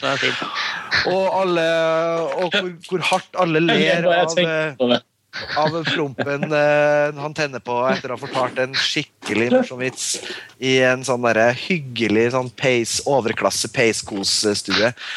Det er rett og slett um, Jeg får lyst til å gå og se den filmen. Eh, Det er litt sånn som du har det med Speed, tror jeg, Karsten. At det er liksom det, det, type, det står veldig bra formulert om du sa at det er en sånn type film som hvis man hadde hatt tida til det, så kunne man ikke bare sett den filmen og ikke gjort så mye annet her i livet. Eh, det er, jeg, vil, jeg holdt på å arrestere deg på at det er en veldig pompøs ting å si, men, men det er veldig um, Jeg også får lyst til å snakke i store store ord når det gjelder Dumb and Dumber. Dum og dummere. Eh, vi nevner også i fleng en veldig berømt eh, dass-scene som involverer noe lakserende midler og den slags. Eh, den fantastiske hundebila de kjører på tidspunkt. Den er helt fantastisk. Ja. Det er Jeg synes også den der tunge mot iskaldt metall i alpinsekvensen er også veldig fin. Og, og, og når de kjører sånn, det siste strekket over Rocky Mountains eh, i, på en sånn liten mi På scooter. Ja. Med fluer i Eh, og, de trynet. jo, og de sitter jo fast på hverandre, fordi de har jo vært nødt til å tisse på seg underveis. Og, og det er den derre fantastisk Det er faktisk ikke Det er ikke bare sånn Det er ikke bare slapstick og lowbrow, det er faktisk veldig spiss og intelligent eh, En spiss og intelligent film om klasse også. Eh, selvfølgelig helt vanvittig karikert og, og dratt ut for å få mulig humoreffekt, men, men det, er, det, det er på en måte komikk og, og gags på alle nivåer, da. Det er liksom ikke bare en sånn derre Først er det snørr, og så er det spytt, og så er det bæsj. Det er liksom Det er mye mer der, da. Så den uh, seg inn på andreplassen, gitt. Yes. Kult. Det var, eh, det var modig. Jim Carrey måtte- får virkelig jeg måtte s- legge to andre Carrey-filmer til den for å tørre å ta den med. Han er foreløpig dagens vinner. Tor Joakim? Ja, den har min uh, nummer to. Er vi det kommet til det? Ja. Vi har kanskje vært innom den? Nei, det var har- nummer vi- én vi jo, har vært på. Ja, Jeg har vært på begge to. Nummer to for meg var jo da altså Shawshank. Ja, ja, det var det. Mm. Er det noe er mer det- du ønsker å få sagt om den? Nei, jeg, har, jeg tror vi har dekka den. Jeg ganske tror vi har dekka den ganske bra. Jeg kan komme til min, da, som en film vi ikke har snakka om før. Um, og her har jeg også Da vet jeg også at vi har snakka mye om uh, Luc Besson tidligere. Hvordan ikke alle er like begeistra for han her. eh, Men eh, for meg det klarer jeg ikke å komme innom 1994 uten å ha med Leon, eller The Professional, som den har. Jeg vet ikke hva som var den amerikanske hva som var den europeiske tittelen, men eh, eh, den het i hvert fall Leon da jeg så den først. Og det var, det var også en av de filmene som jeg så veldig mye på 90-tallet, husker jeg. Og eh, det er altså, jeg vet, jeg regner med at alle har sett den her, men eh, Ja. Ja, det er også den eh, Det er egentlig erkehistorien til Luc Besson her. Han har plassert eh, Jean Renault i det store, kanskje internasjonale gjennombruddsrollen hans. Og du har Natalie Portman, du har Gary Oldman, og du har liksom Ivan. Ja, men- hun er kanskje også Eh, Men det, liksom, han, han gjør det som han gjør. Da. Han har eh, liksom eh, den unge jenta som mister familien sin og vokser opp som kaldblodig drapskvinne, som han har gjort i Nikita. Men, men det her var liksom en, vikt, en film som jeg i hvert fall da tiltalte meg mye mer enn Nikita, for eksempel. Og det var jo også en stor internasjonal suksess, husker jeg, som, som alle snakka om på tida der, og som alle hadde sett og sånn, men Rem Remaken nå snakka de mye om. Amerikanske. ja. Eh, Den vet jeg faktisk ikke om. Den husker jeg ikke så godt. Eh, Point of no return, eller Ja. Koden av Nina, som den heter på norsk. Ja, men det er vel eh, remaken av Nikita, ja. Det er ikke Nikita jeg snakker om, ja. Ja. det er den. Mm. Men, men Ja, ikke sant, med Fonda. Richard Fonda. Nettopp. Eh, Men, men det som jeg vet ikke, det, det er et eller annet med Leon som er så Den er på en måte så sær, da, syns jeg. Eh, Den har så mange bisarre eh, sånn, eh, aspekter ved seg at den, jeg syns den er fortsatt interessant å se. Da. Og den har eh, Den er liksom spennende, masse morsomme, eh, rare scener, og den har Gary Oldman spiller en helt sånn eh, marerittversjon av en sånn korrupt, ond politisjef, og, og det her forholdet mellom uh, Natalie Portman og, og Jean Renault er liksom så, så snedig. Han er jo en eh, ganske rar mann i seg sjøl i filmen. Han, eh, den figuren, den eldre leiemorderen, liksom, og hun som den mindreårige jenta, som igjen er et sånt uh, Luc Besson-tema, selvfølgelig, med, med og de utvikler et sånt uh, litt sånn spesielt sært forhold. Jeg føler at det, det ligger så mye i den filmen som gjør at den er, den, er rett og slett artig å se. Og Den har eh, mye å by på, føler jeg. og Jeg, jeg har merket nå at jeg får lyst til å se den igjen. Eh, for det begynner å bli noen år siden sist. Det er jo en helt strålende film. Jeg har, bare, jeg har bare sett den et par ganger, og det er mange år siden. Så det er nok noe av grunnen til at uh, den ville nok også vært på den boblerlista mi. Altså. Men det er nok en film jeg har virkelig behov for å uh, få sett igjen, for å på en måte få redefinert forholdet mitt til den filmen. Men jeg ja, husker jo det som en kjempebra film på alle tenkelige måter. Det må jo være Luc Bessons beste film. Og så har han Tøff Action nå, i tillegg. Ja, det er veldig, veldig action. utrolig bra skurk i Gary Oldman. Kjempefin eh, rolle, gjennombruddsrolle til Natalie Portman. Nei, den er jo helt strålende, den. Og det er en veldig rørende historie. Det er ikke så mange actionfilmer som har en så liksom sånn, Det er en oppriktig gripende historie. Og det- ja, Kombinasjonen sant, for- av altså det uvanlige vennskapet og Og det som selvfølgelig skjer med de her eh, kaldblodige drapsmennene og drapskvinnene og de som har Det er selvfølgelig at de oppdager sine menneskelige følelser og svakheter som trenger gjennom og gjør livet vanskelig for dem. Og Det er jo naturligvis der det blir rørende og, og spesielt. Ja. Ja, Men den var litt sånn bobla litt hos meg, den Leon. Altså. Så kult at den kom. Jeg var redd den ikke kom til å komme nå. Jeg. Ja, da, da fikk vi i hvert fall redda den nå. Ja. Eh, Men det er kanskje deg, da, Karsten? Er det meg allerede? Ja, jeg tror det, altså. Andreplassen min var Speed. Det var speed. Mm. Ja. Mm, Og det er verdt å si det igjen. Speed er verdt å si igjen. Og Lars Ole, du hadde Shawshank, du òg? Eh, det hadde jeg. Det hadde Så du. er Her raser vi gjennom. Det er jo bra. Eh, Da har vi faktisk kommet til førsteplassene våre. Ta-ta-ta. Og da er det Erik Fogel igjen som har eh, Det var igjen, faktisk. Ja, å røpe din eh, Det gikk jo så fort. Ja. Ja. Eh, det har faktisk det er en interessant link mellom en film veldig mye diskutert tidligere, og den filmen jeg valgte på førsteplass. Eh, og det er Roger Deakins. Og det er Tim Robins. Og da klarer kanskje mange å gjette at det er snakk om filmen som på norsk heter Store spranget. Men egentlig heter det Hudsucker Proxy. Wow, det var overraskende. Ja, og det er altså Det er litt um, altså man må jo kanskje, altså Den er på førsteplassen, liksom, som den filmen som står ut fra 1994 for meg. Og, og det blir jo selvfølgelig en svært subjektiv liste, og jeg kunne lett ha hatt med flere andre filmer på denne lista som har falt ut, som også sånn som den du nevnte nettopp, eh, eh, Leon Martin. Men til syvende og sist, så når jeg så over den lista og tenkte på eh, filmskapere jeg har fulgt både før 1994 og etter, og, og, og som uh, attpåtil, altså Cohen-brødrene, og som attpåtil da syns jeg begynte å, å nærme seg formtoppen, eh, som kom et par filmer senere. Eh, vi skal huske på at det, er, det er relativt tidlig i karrieren deres. Det er eh, Eh, det er rett før Fargo, eh, men det er etter Millers Crossing og Blood Simple og Racing Arizona. Eh, og eh, det her er prosjekt som jeg har forstått eh, at var veldig et hjertebarn for dem. Også. De hadde jobba med faktisk helt siden tidlig 80-tall. Og det er faktisk eh, Sam Ramy eh, er medforfatter på det. Og arbeidet med prosjektet starta allerede da, altså når de møttes under innspillinga, eller i klippen av Evil Dead. Så det her er sånn hjertebarn for Coen-brødrene, og det er også en film som er kanskje mer enn noen annen 90-tallsfilm av dem stappfull av det som gjør dem typisk.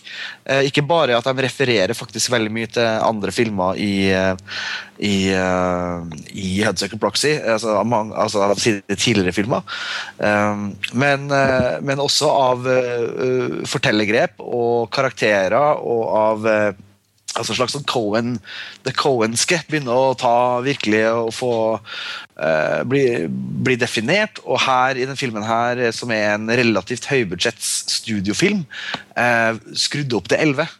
Uh, og det har gjort det her til en veldig veldig stor favoritt uh, for meg. Uh, den gikk jo helt til helvete når den kom på kino, sånn rent økonomisk, men eh, for en fest de har, de har etterlatt oss. Um, det, var, det var den andre filmen med Roger Deakins, og det er noe av det første man merker seg her, er jo det ekstreme altså visuelle universet. Også scenografisk, med masse uh, altså sånn sjikane som uh, uh, på en måte minner om Metropolis og, og, i scenografien. Og Tim Robins som den herre landsens mannen som begynner på The Mail Room. Og, og plutselig får sjansen til å drive hele Hudsucker Industries eh, som følge av et eh, komplott for å drive selskapets aksje ned i bånn. Etter at eh, sjefen sjøl hopper ut av vinduet i en veldig minneverdig scene som for øvrig også Sam Ramy skal være kreditert for å ha, ha skutt. Han var second unit-regissør og har har i hvert fall sett det på triviaen på IMDb at han skøyt den eh, scenen hvor han hopper ut vinduet, han eh, wearing headsucker.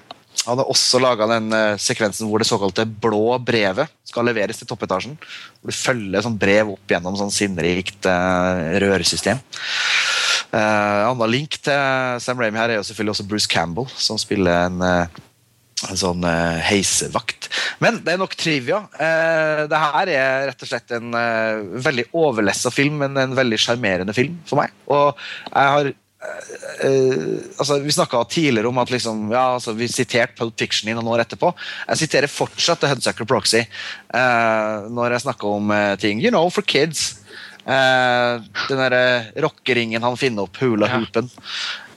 Um, og Paul Newman gjør en fantastisk eh, bad guy her. Eh, og den er full av eh, fantasi og, og, og drømmesekvenser. Og, ja, nei, det her er Alt det som var kult med Cohen-brødrene på 90-tallet, får på en måte vist seg fram her. Og ingen perfekt film, men så minneverdig at den er på toppen fra 1994 for min del. Det var veldig overbevisende. Dette er nemlig en av Conan-filmene jeg aldri har fått meg til å se.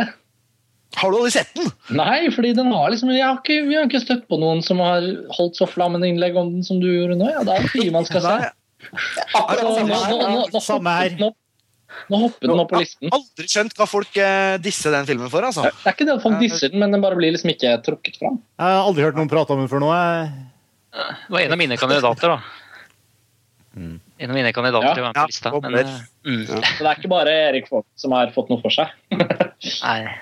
Men jeg må jo også innrømme at her benytta en sjansen til å trekke den litt fram. fordi at jeg syns Ja, ja. den er veldig veldig undervurdert. Å bruke da eh, den enorme statusen og tyngden som eh, Filmfrelst gir, til å dytte den fram. Jeg kan si at både, eh, både Kjetil eh, Svendsen og Jim Robin eh, Nymoen på kommentarfeltet vårt, som også tidligere har trukket fram både Chunking Express og Kjetil har i hvert fall nevnt også Heavenly Creatures, har også Hudsucker Proxy på sine lister. Så du er ikke, du er ikke ensom, Erik. Jeg er helt alene. Bra. Jeg, jeg er ikke sånn som eh, psykiateren, den tyske Bronfbrunner psykiateren sier at you will be flung into space where you will die like horrible swine. Nesten. Jeg er ikke så alene, liksom. Yes, veldig bra. Um, det var Erik Fogels førsteplass fra 1994. Tor Joakim, du har Stargate, vet jeg. Det har jeg jo. Du har blitt har- You've been spoiled. Jeg har det gitt. Det blir jeg som regel på disse førsteplassene mine. Du har anledning til å tilføre noe hvis det er noe vi ikke har Nei, Jeg tror jeg fikk eh, mast ut alt jeg skulle si egentlig om den. Jeg syns det er veldig tøft at du har Stargate på førsteplass. Emer Emerich ruller, Stargate er topp. Yes. jeg har heller ingen eh, store ting å si om min førsteplass, eh, bortsett fra at jeg har, eh, jeg har jo da Og det var umulig nesten for meg å ikke sette Pulp Fiction på førsteplass. Uh, og det er litt innpå sånn at Kanskje har det ikke så mye å gjøre med at det er verdens beste film, men, uh, men at den, den var en utrolig og viktig film, ikke bare for uh, for liksom eh, 90-tallet og ettertiden og, og Quentin Tarantino og Bruce Willis og Uma Thurman og alt det der, men også for meg og meg som 18-åring på, på 90 og, det og 90-tallsopplevelsen min da, var veldig forma av Pulp Fiction, og da handla det ikke bare om filmen og alle sitatene, men vi har også veldig mye om at det desidert mest spilte filmsoundtracket i eh, ti år, liksom, eller i hvert fall i mange mange år etter at den filmen kom, var Pulp Fiction soundtracket. Liksom. Og ikke bare hjemme i stua mi, liksom, men på utesteder og på liksom, Veldig mye av mine 90-tallsopplevelser var liksom satt til Pulp Fiction-soundtracket. Ja, altså-. Eh, Martin, det er min førsteplass også. Ah, okay. Jeg ville liksom ikke blåse det i stad. Det var femteplass her og der. og da var liksom, Nei, jeg måtte holde litt på den. Jeg er veldig enig med deg i det også. Da jeg oppsummerte filmene, så var det liksom Det var bare en film som på så utrolig mange områder var den definitive filmen. Og det gjelder jo på veldig mange måter for 90-tallet for øvrig. Der møter den jo mye hardere konkurranse hvis man skulle dratt hele den. Men, men, ehm, men jeg er veldig enig i det du sa også, at liksom, den, er, den er så banebrytende på veldig mange ledd. Da. Og det er sånne ledd som typisk sånn, hvert fall jeg synes er veldig viktig. At den både er sånn enormt kunstnerisk ambisiøs og eksperimentell innenfor hva den forsøker å gjøre i sin sjanger og på den måten som den gjør det og alt mulig. Og det med soundtracket og selvfølgelig sitatvennligheten. Uh, det, det er så mange elementer som klikker på plass. At den er på en måte Ja. Den er i en helt egen klasse for meg. Så det var gøy å høre at du også hadde den på førsteplass. Blir også veldig glad for at begge dere to har den på førsteplass. Altså, jeg, som sagt, jeg føler meg jo skamfull over å ha den så lavt. Det, det Backtracker du nå, eller Backtracker du litt nå? Ja, nei, nei, men altså, det- jeg gjorde jo det allerede innledningsvis. Som jeg sa, det, det føles ikke riktig, men det bare ble sånn. Eh, jeg er veldig glad for at, for at dere har den på førsteplass, fordi det er jo på mange måter veldig riktig. Det var veldig Du har ikke fint at vi til å si noe, tror jeg. Nei, jeg skulle skyte når du snakket om det soundtracket, at det var liksom en sånn kilde til frustrasjon for meg egentlig på 90-tallet at alle var så glad i den. For det, For det er ikke filmmusikk. det er ikke instrumental filmmusikk. Altså, hver gang jeg spurte- folk i vennekretsen har du noe soundtrack, ja, selvfølgelig har du Pulp Ja, Fiction. ja. Har du hørt den? Men noe annet? Jo, jeg har Reservoir Dogs soundtrack. Ja. Ja, eller Trainspotting eller noe sånt. og Da ble jeg reiv meg i håret da, så gikk jeg tilbake og hørte på John Williams. Ja da. Men sånn var det. Enten du liker det eller ikke. Bare som et apropos. Ja. Eh, Vi har litt eh, sånn dårlig tid, men jeg hadde lyst til å trekke, siden vi har fått så mye innspill fra, eh, fra lytterne våre og sånn. Og du var så vidt Jeg tenkte jeg skulle ta særlig én ting jeg tenkte å hooke tak i her, eh, som eh, du så vidt var inn på i stad. Eh, Det var vel Lars Ole som nevnte Kislovskij. Ja, Øyvind Hellenes har sendt oss en mail, og jeg vil bare lese opp den her. Eh, Hei, min favoritt fra 1994 er eh, Kristoff Kislovskijs siste film, 'Rød'. ja.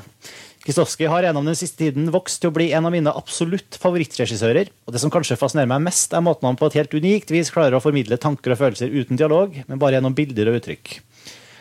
Akkurat det er også veldig tydelig i Rød. I lik, I lik stil med Tarkovskij blir tilskueren satt i en mer observerende rolle framfor at filmen prøver å fortelle deg noe direkte.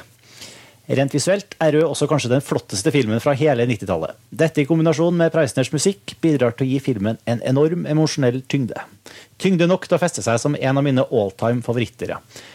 Jeg hadde satt pris på om dere kunne fått i gang en god og ærlig diskusjon rundt Kislovskij.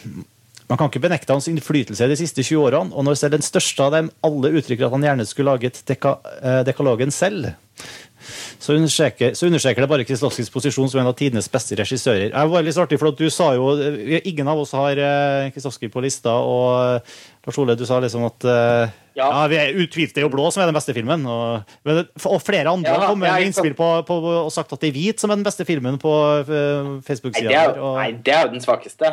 Eh, jeg, er jo helt enig. Jeg kan skrive under på alt eh, Øyvind Hellenes skriver om Rød, altså om Kiesowski generelt. Jeg er dog ikke enig i at det er 90-tallets mest visuelle film. Jeg syns jo både Blå og Veronicas doble liv har en enda mer slående visualitet enn Rød. Men, men det blir litt som å velge mellom gull og diamanter. Så det er jo en helt fantastisk film, det, men det har alltid vært Blå som har grepet meg mest. da. Også rent sånn audiovisuelt, ikke minst, egentlig. Musikken til Preisner og sånn i Blå er jo helt avsindig. det er Ja, kanskje, og- Helt, ok, trilogien som en helhet er på en måte helt Det går ikke an å Den er jo Det er et mesterverk, det.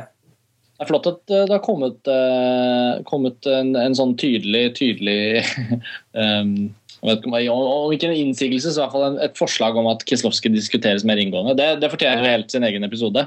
Ja, og Nå høres det nok en gang ut som vi, vi Litt sånn som når vi snakker om Tarkovskij, episoden som alle blir til.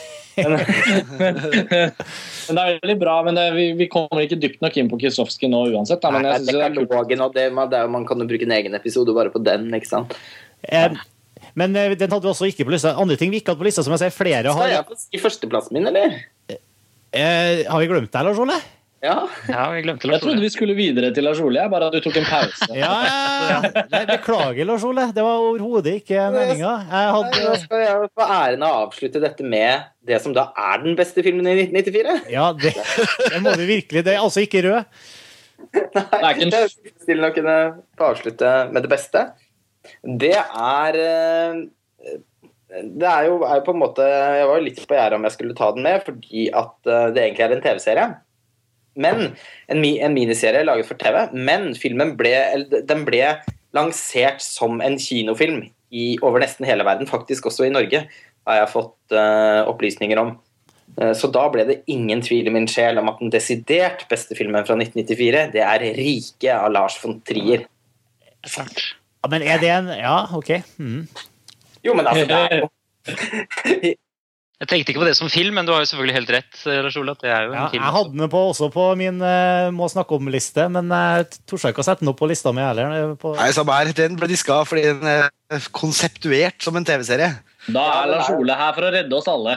Ja, det er jeg. Fordi at jeg, jeg, Når ingen av dere nevnte den, så tok jeg det for gitt at det var fordi at den på en måte egentlig er en TV-serie. Ja. Så jeg ga penger i det, og, og valgte 'Rike'. For, Yeah. Det var også et 90-tallsuttrykk. ja. Men med, med det sagt, første gangen jeg så Rike, var jo faktisk på kino i, eh, midt på 90-tallet. Ja, ikke sant? Ifølge eh, Medietilsynet så hadde den norsk kinopremiere eh, 29. mai 1995. Men den var altså produsert i 1994. Jeg tror til og med, Erik, Da vi var på Studentradioen sammen, så tror jeg til og med jeg intervjua Morten Arnfred, som var korregissøren i forbindelse med en kinolansering. av Yes. Ja, jeg husker jeg så den på Nova kino, faktisk. Eller ja, jo, det var vel det. Ja.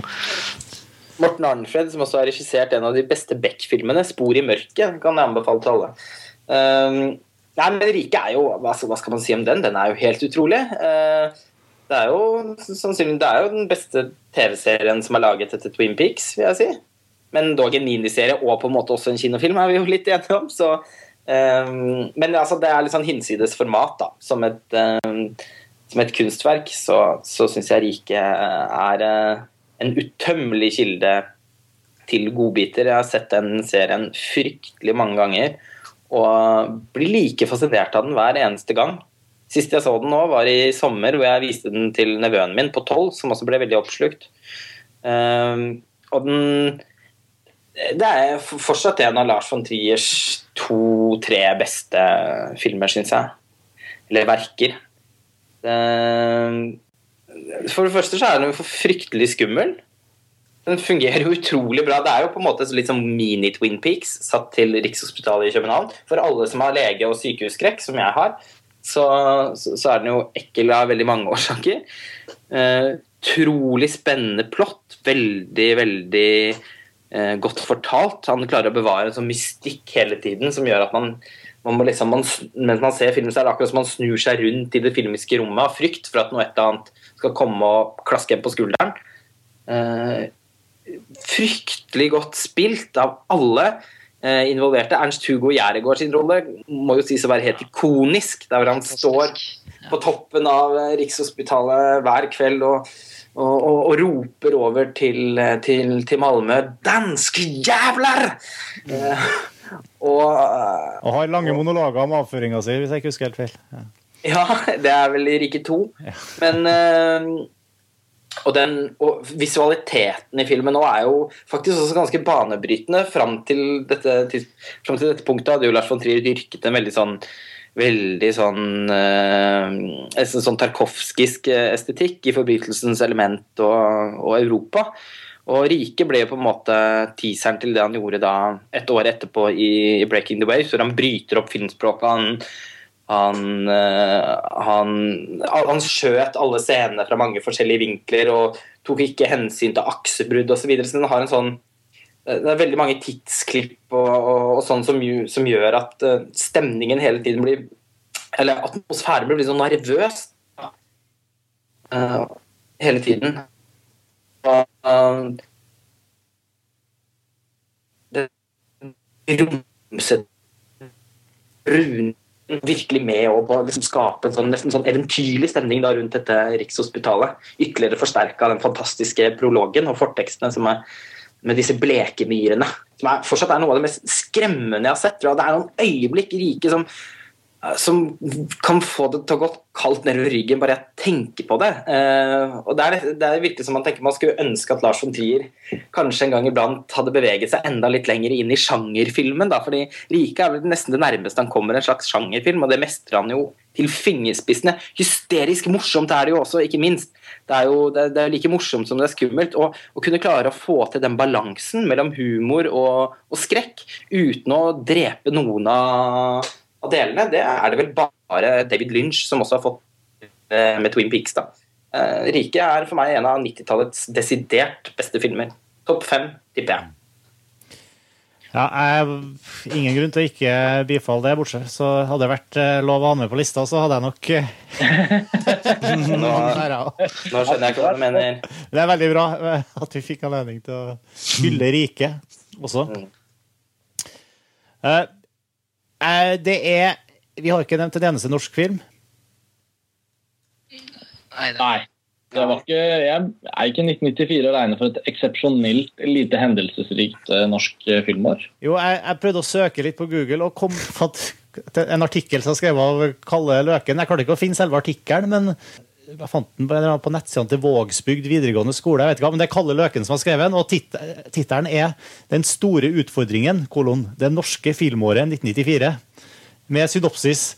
1994 var det usedvanlig dårlig var det usedvanlig dårlig besøk på norske filmer. ja. Det manglet ikke variasjon og kvalitet, men dristighet. er det eneste Det var liksom synopsis for den artikkelen. Og, Men, men det er litt rart. altså Ti kniver i hjertet er fra 1994. Eh, Marius Holt sin debutfilm. Er den fra 94? Yes. Eh, det, var, det var også noen andre hederlige forsøk der. altså Ikke at jeg har så fryktelig eh, peiling på det, men eh, det var jo også Fredrikssons Fabrikk The Movie. Den er jo ganske morsom. Den har jeg likt veldig godt. Den så jeg på kino. Ja, Det har jeg glemt. Over Stork og stein. Jeg fant den lista på Wikipedia. Sånn. Jeg gjorde faktisk søk nå hos Medietilsynet. Der kommer opp en del filmer, bl.a. dokumentaren 'Store gutter gråter ikke'. Ja, den er veldig bra. Mm. Den er Og så kommer også Dis opp, men den er da vitterlig fra 95. Det er kanskje Ja, litt Store gutter eh, gråter ikke. Også 95 på release, tror jeg. Men det kan godt være at Ja, men Kanskje de er vurdert av Medietilsynet i Ja. 94. Ikke sant? Eh, men 'Ti kniver i hjertet', ja, det er vel kanskje Ja, men Det er rart. Jeg også tror Dis var 94 når jeg tenker meg om. altså. mm. Jeg har jo Mm, ja. vært så heldig å få tak i den på VHS med en bonus erotisk kortfilm. Oi, Ja, Ja, Den Så den den står eh, filmen. klar for en, eh, en, eh, en filmnyterkveld en eller annen gang. ja, du er vel en av få som fortsatt har VHS-spilleren oppe og går, tenker jeg. Hvis jeg skulle nevne en annen film som jeg ser her av den norske fra 94, så måtte det vært Unni Straumes 'Drømspel'. Som Hun var lærer på filmskolen da jeg gikk der, så hun viste faktisk den på 35 mm. En overraskende Altså ikke overraskende, egentlig, for den har jo liksom vært litt sånn Men jeg bare visste ikke hva slags film det var. Dødsbra film. Blant annet med Liv Ullmann og Bibi Andersson og Erland Josefsson. Det er sånn her fantastisk sånn stjernerekke av Du får sånn veldig sånn Bergman-vibber av filmen. da. En filmatisering av Strindbergs Et drømmespill. Eh, um, Den har jeg alltid hatt veldig lyst til å se, men den går an å få tak i. mystisk og rar film. Nei, den gjorde ikke det. Så derfor hadde hun henta opp eh, 35 mm-kopien fra Filmens Stutt, eller hva det var. En utrolig flott film, men uh, siden ikke jeg fått tak i, så er det kanskje dårlig tips å komme med. Men den, men den er fra 94. Veldig fin film. Ja. Mm. Ellers var det... Da har vi tatt litt om Norge også. litt om Norge. Det er jo, noen, det er jo en del andre filmer. da. Vet ikke om vi, skulle, vi rekker å ta noen runder på de vi ikke har fått tatt med. Ja, jeg stemmer for at vi i hvert fall får lov å ramse opp noen filmer. R- Ramse opp kan vi gjøre, kanskje. Ja, oppramsing. Kjør, Tor Joakim. Nei, jeg kan jo ramse opp fire stykk, da. Det som jeg, jeg tenkte det Første har vi jo, var vi så vidt innom, det er jo da selvfølgelig 'Løvenes konge'. Ehm, dernest så er det en av de mest banebrytende cyberpunk-filmene som, eh, som eh, kom det året, nemlig 'The Crow'. Ehm, kjent selvfølgelig for at han døde under innspilling. Han Lee, da. Var det, var det Brandon, eller var det ja, Brandon Lee? Ja. Eh, og så har jeg Beethoven-biografifilmen 'Immortal Beloved'. Eh, grunnen til at jeg har med den, eh, er, er selvfølgelig fordi jeg liker musikk, men også pga. Gary Oldman, som er en av mine favorittskuespillere, som spiller Beethoven. Eh, det er Oliver Stones 'Natural Born Killers'. Og det er eh, Mike Nichols film 'Wolf', faktisk, med Jack Nicholson, som jo er min suverene favorittskuespiller gjennom alle tider. Eh, som da jeg har selvfølgelig måttet ha med pga. han, da. Det var godt at du nevnte uh, 'Natural Born Killers'. Den hadde, jeg jo, den hadde bare kokt bort i min kål. Den er jo en strålende film. Den står på min sjetteplass. Det var den jeg Ja, skulle til å den- skyte inn her. Som, uh, det har vært høyt oppe hos meg òg. Den har jeg ikke sansen for i særlig grad. jeg er overraska at ingen i hvert fall, at vi ikke har nevnt den tidligere. Det var flere som har trukket den fram på, Ja, det- det var. Den er eh, kjempe- våre lyttere. Og, mm. Den er babler uh, hos meg òg. En annen film, hvis jeg kan få ta over, Mm. Ja, vær så god. en annen film som bobler veldig hos meg, det er Ed Wood. Ja. Eh, kanskje min favorittfilm av Tim Burton. Um, eh, og en annen film som jeg også synes er viktig å nevne, som kanskje er den filmen fra 1994 etter et par på lista, da, som jeg nok har sett flest ganger, det er 'Fire bryllup og en gravferd'. Ja, Og det var ikke sånn nødvendigvis alle gangene jeg valgte å se den selv, for den var veldig populær blant uh, søstrene mine i, i huset hvor jeg vokste opp. Men den har jeg vitterlig sett altså den må jeg ha sett 15 ganger, minst. Og gjerne sånn i bruddstykker. Sånn, den er på, han setter seg ned, ser litt, gråter litt, går igjen. Um, veldig fin herregud, veldig fin romantisk komedie. Den og Notting Hill er jo det som gjør at Hugh Grant også har etset seg inn som en av 90-tallets uh, mer gjenkjennelige typer. på film, ved siden av Jim Carrey, men i en helt annen sjanger. Mhm. Og så var det en film som jeg hadde bare lyst til å nevne. Jeg syns ikke den er så god. Men altså, James Cameron lagde en film i 1994, 'Sanne løgner'. Ja, den er jo veldig bra, da. Ja, da. Morsom, da. Den er Ja. morsom. Men, ja, men jeg har et veldig hjerte for Sanne løgner. Jeg har ikke egentlig noe stygt å si om den heller. Men jeg altså, anerkjenner at, at, at ikke alle altså Hvis noen sier 'Å, sanne løgner', så er ikke jeg den første til å stå og begynne å, begynne å forsvare den hardt. Nei, Det kjenner jeg at men, men jeg vil nevne den, da. 'Sanne løgner'. Også en film jeg fint ville sett hvis den gikk på TV og jeg kom forbi den. eller Så det er kanskje den svakeste James Cameron-filmen, bortsett fra Piraya 2. Men, eh, men, den, men den er jo i sin sjanger som en actionkomedie, så, jo, så er den jo kjempe, kjempevellykket. Den er jo langt bedre enn de aller Ja, fleste andre Schwarzenegger actionkomedier. Arnold Schwarzenegger tar den hesten og hopper fra uttak. Altså, det er noen sånne sekvenser i den filmen som er helt i en annen klasse. Så det må, det må, det må nevnes. Det må nevnes. Jeg kan ta over egentlig Ja. fra lista di, Karsten. For, jo, fordi at eh, du nevnte Four Weddings, Ed Wood, eh, og du nevnte Natural Born Killers. Eh, de er alle på min bobleliste. Men i tillegg eh, Clerks av Kevin Smith. Det var jo en veldig frisk pust. Den så jeg på kino sikkert da påfølgende år, eller når den ble satt opp i Norge. Den er også fra 94. Og liksom, Kevin Smith er jo liksom ett ytterpunkt i amerikansk eh, indie-stemme-ting fra 90-tallet, og Tarantino et annet. Uh, men den var viktig for meg. Jeg synes den var råmorsom. Og en tsjekkisk film. Eller ja, på det tidspunktet tsjekkoslovakisk. Eller var det tsjekkisk? Jan Schwankmeyers Faust. En uh, dukkeanimasjonsfilm som blander inn veldig mye live action og snåleting. Veldig, veldig surrealistisk. Eh, hans tolkning av Faust-myten. Veldig bra. Eh, og så har jeg flere store hull med filmer jeg burde ha sett, men dem trenger jeg ikke å ramse opp. ja, det er litt selv, det. Det er bare pinlig. Hvis, hvis jeg skal få nevne et, et par Jeg nevnte vel kanskje raskt i stad, men noen sånne perler som, som kanskje ikke får så mye oppmerksomhet som de fortjener, så er det jo 'Death and the Maiden' til Roman Polanski. Eh, hvor eh, Ben Kingsley en av Sigourney Weaver er fantastisk bra i den filmen. Sånn kammer, kammerthriller-drama basert på et teaterstykke. Eh, hvor han forholder seg til en sånn lukket setting på samme måte som han gjør i 'Carnage', som er årets polanske film. Men enda mer vellykket kanskje i 'Death and the Maiden', vil jeg si. Og, og 'Crooklyn' til Spike Lee, som er en helt nydelig oppvekstskildring. Som er en sånn slags eh, Tilhører jo veldig den perioden hans, eh, den 'Do the right thing'-perioden hans. Men som også er en fin sånn double feature til, til 'Do the right thing'. En mer optimist, langt mer optimistisk og solskinns eh, ja, Det er mye solskinn i Do the Right òg, men der er det jo veldig sånn mildt sagt bittersøt uh, ettersmak. Mens Crooklyn stort sett er fryd og gammel, men, men også utsigelig trist når den er, når den er trist. Altså, den er virkelig en av de filmene som klarer å fange barndommen, da. eh, som får en til å lengte tilbake. Og, og Barcelona with Stillman, som er en fantastisk morsom eh, komedie med sedvanlig på Witt Stillman da har utrolig skarpe, nesten som modialenske dialoger. og eh, Barcelona er kanskje ikke den aller beste filmen hans, men, eh, men likevel helt, eh, helt strålende. Var også veldig nære med å komme på lista mi, faktisk. Som jeg det vet jeg at det er veldig få som har sett også, så jeg vil jeg varmt anbefale. Vil jo varmt anbefale alle filmene til Witt Stillman. Alle er jo så bra. Mange har uh, trukket fram, eller flere, ikke mange, flere har trukket fram uh, Satan Tango. Ja. Ja, Har noen sant? sett den? Jeg kikker opp på den. Den står her på hylla ved siden av meg. Det er altså filmen man vel Altså, det er så vanskelig å finne den tiden som skal til for å få sett den, og så har man lyst til å se den på en ordentlig måte. Jeg tror nok er det en av de mest sånn anerkjente liksom, sånn Arthouse, virkelig sånn kunst filmene som jeg har altså, det er Absolutt alle som har sett den, går inn for at den er helt enestående. Og det er så vanskelig å få prioritert å få sett den. Så jeg har ennå ikke sett den. Jeg er i samme bås selv. Jeg har stått og mørnet på, i DVD-hylla i flere år. Føles jo helt tragisk å ikke ha fått sett den. Nå har det vært så mye å gjøre de siste par ukene. Hvis ikke så hadde jo denne podkasten vært en anledning. Men akk, nei. Sju timer og tolv minutter var den.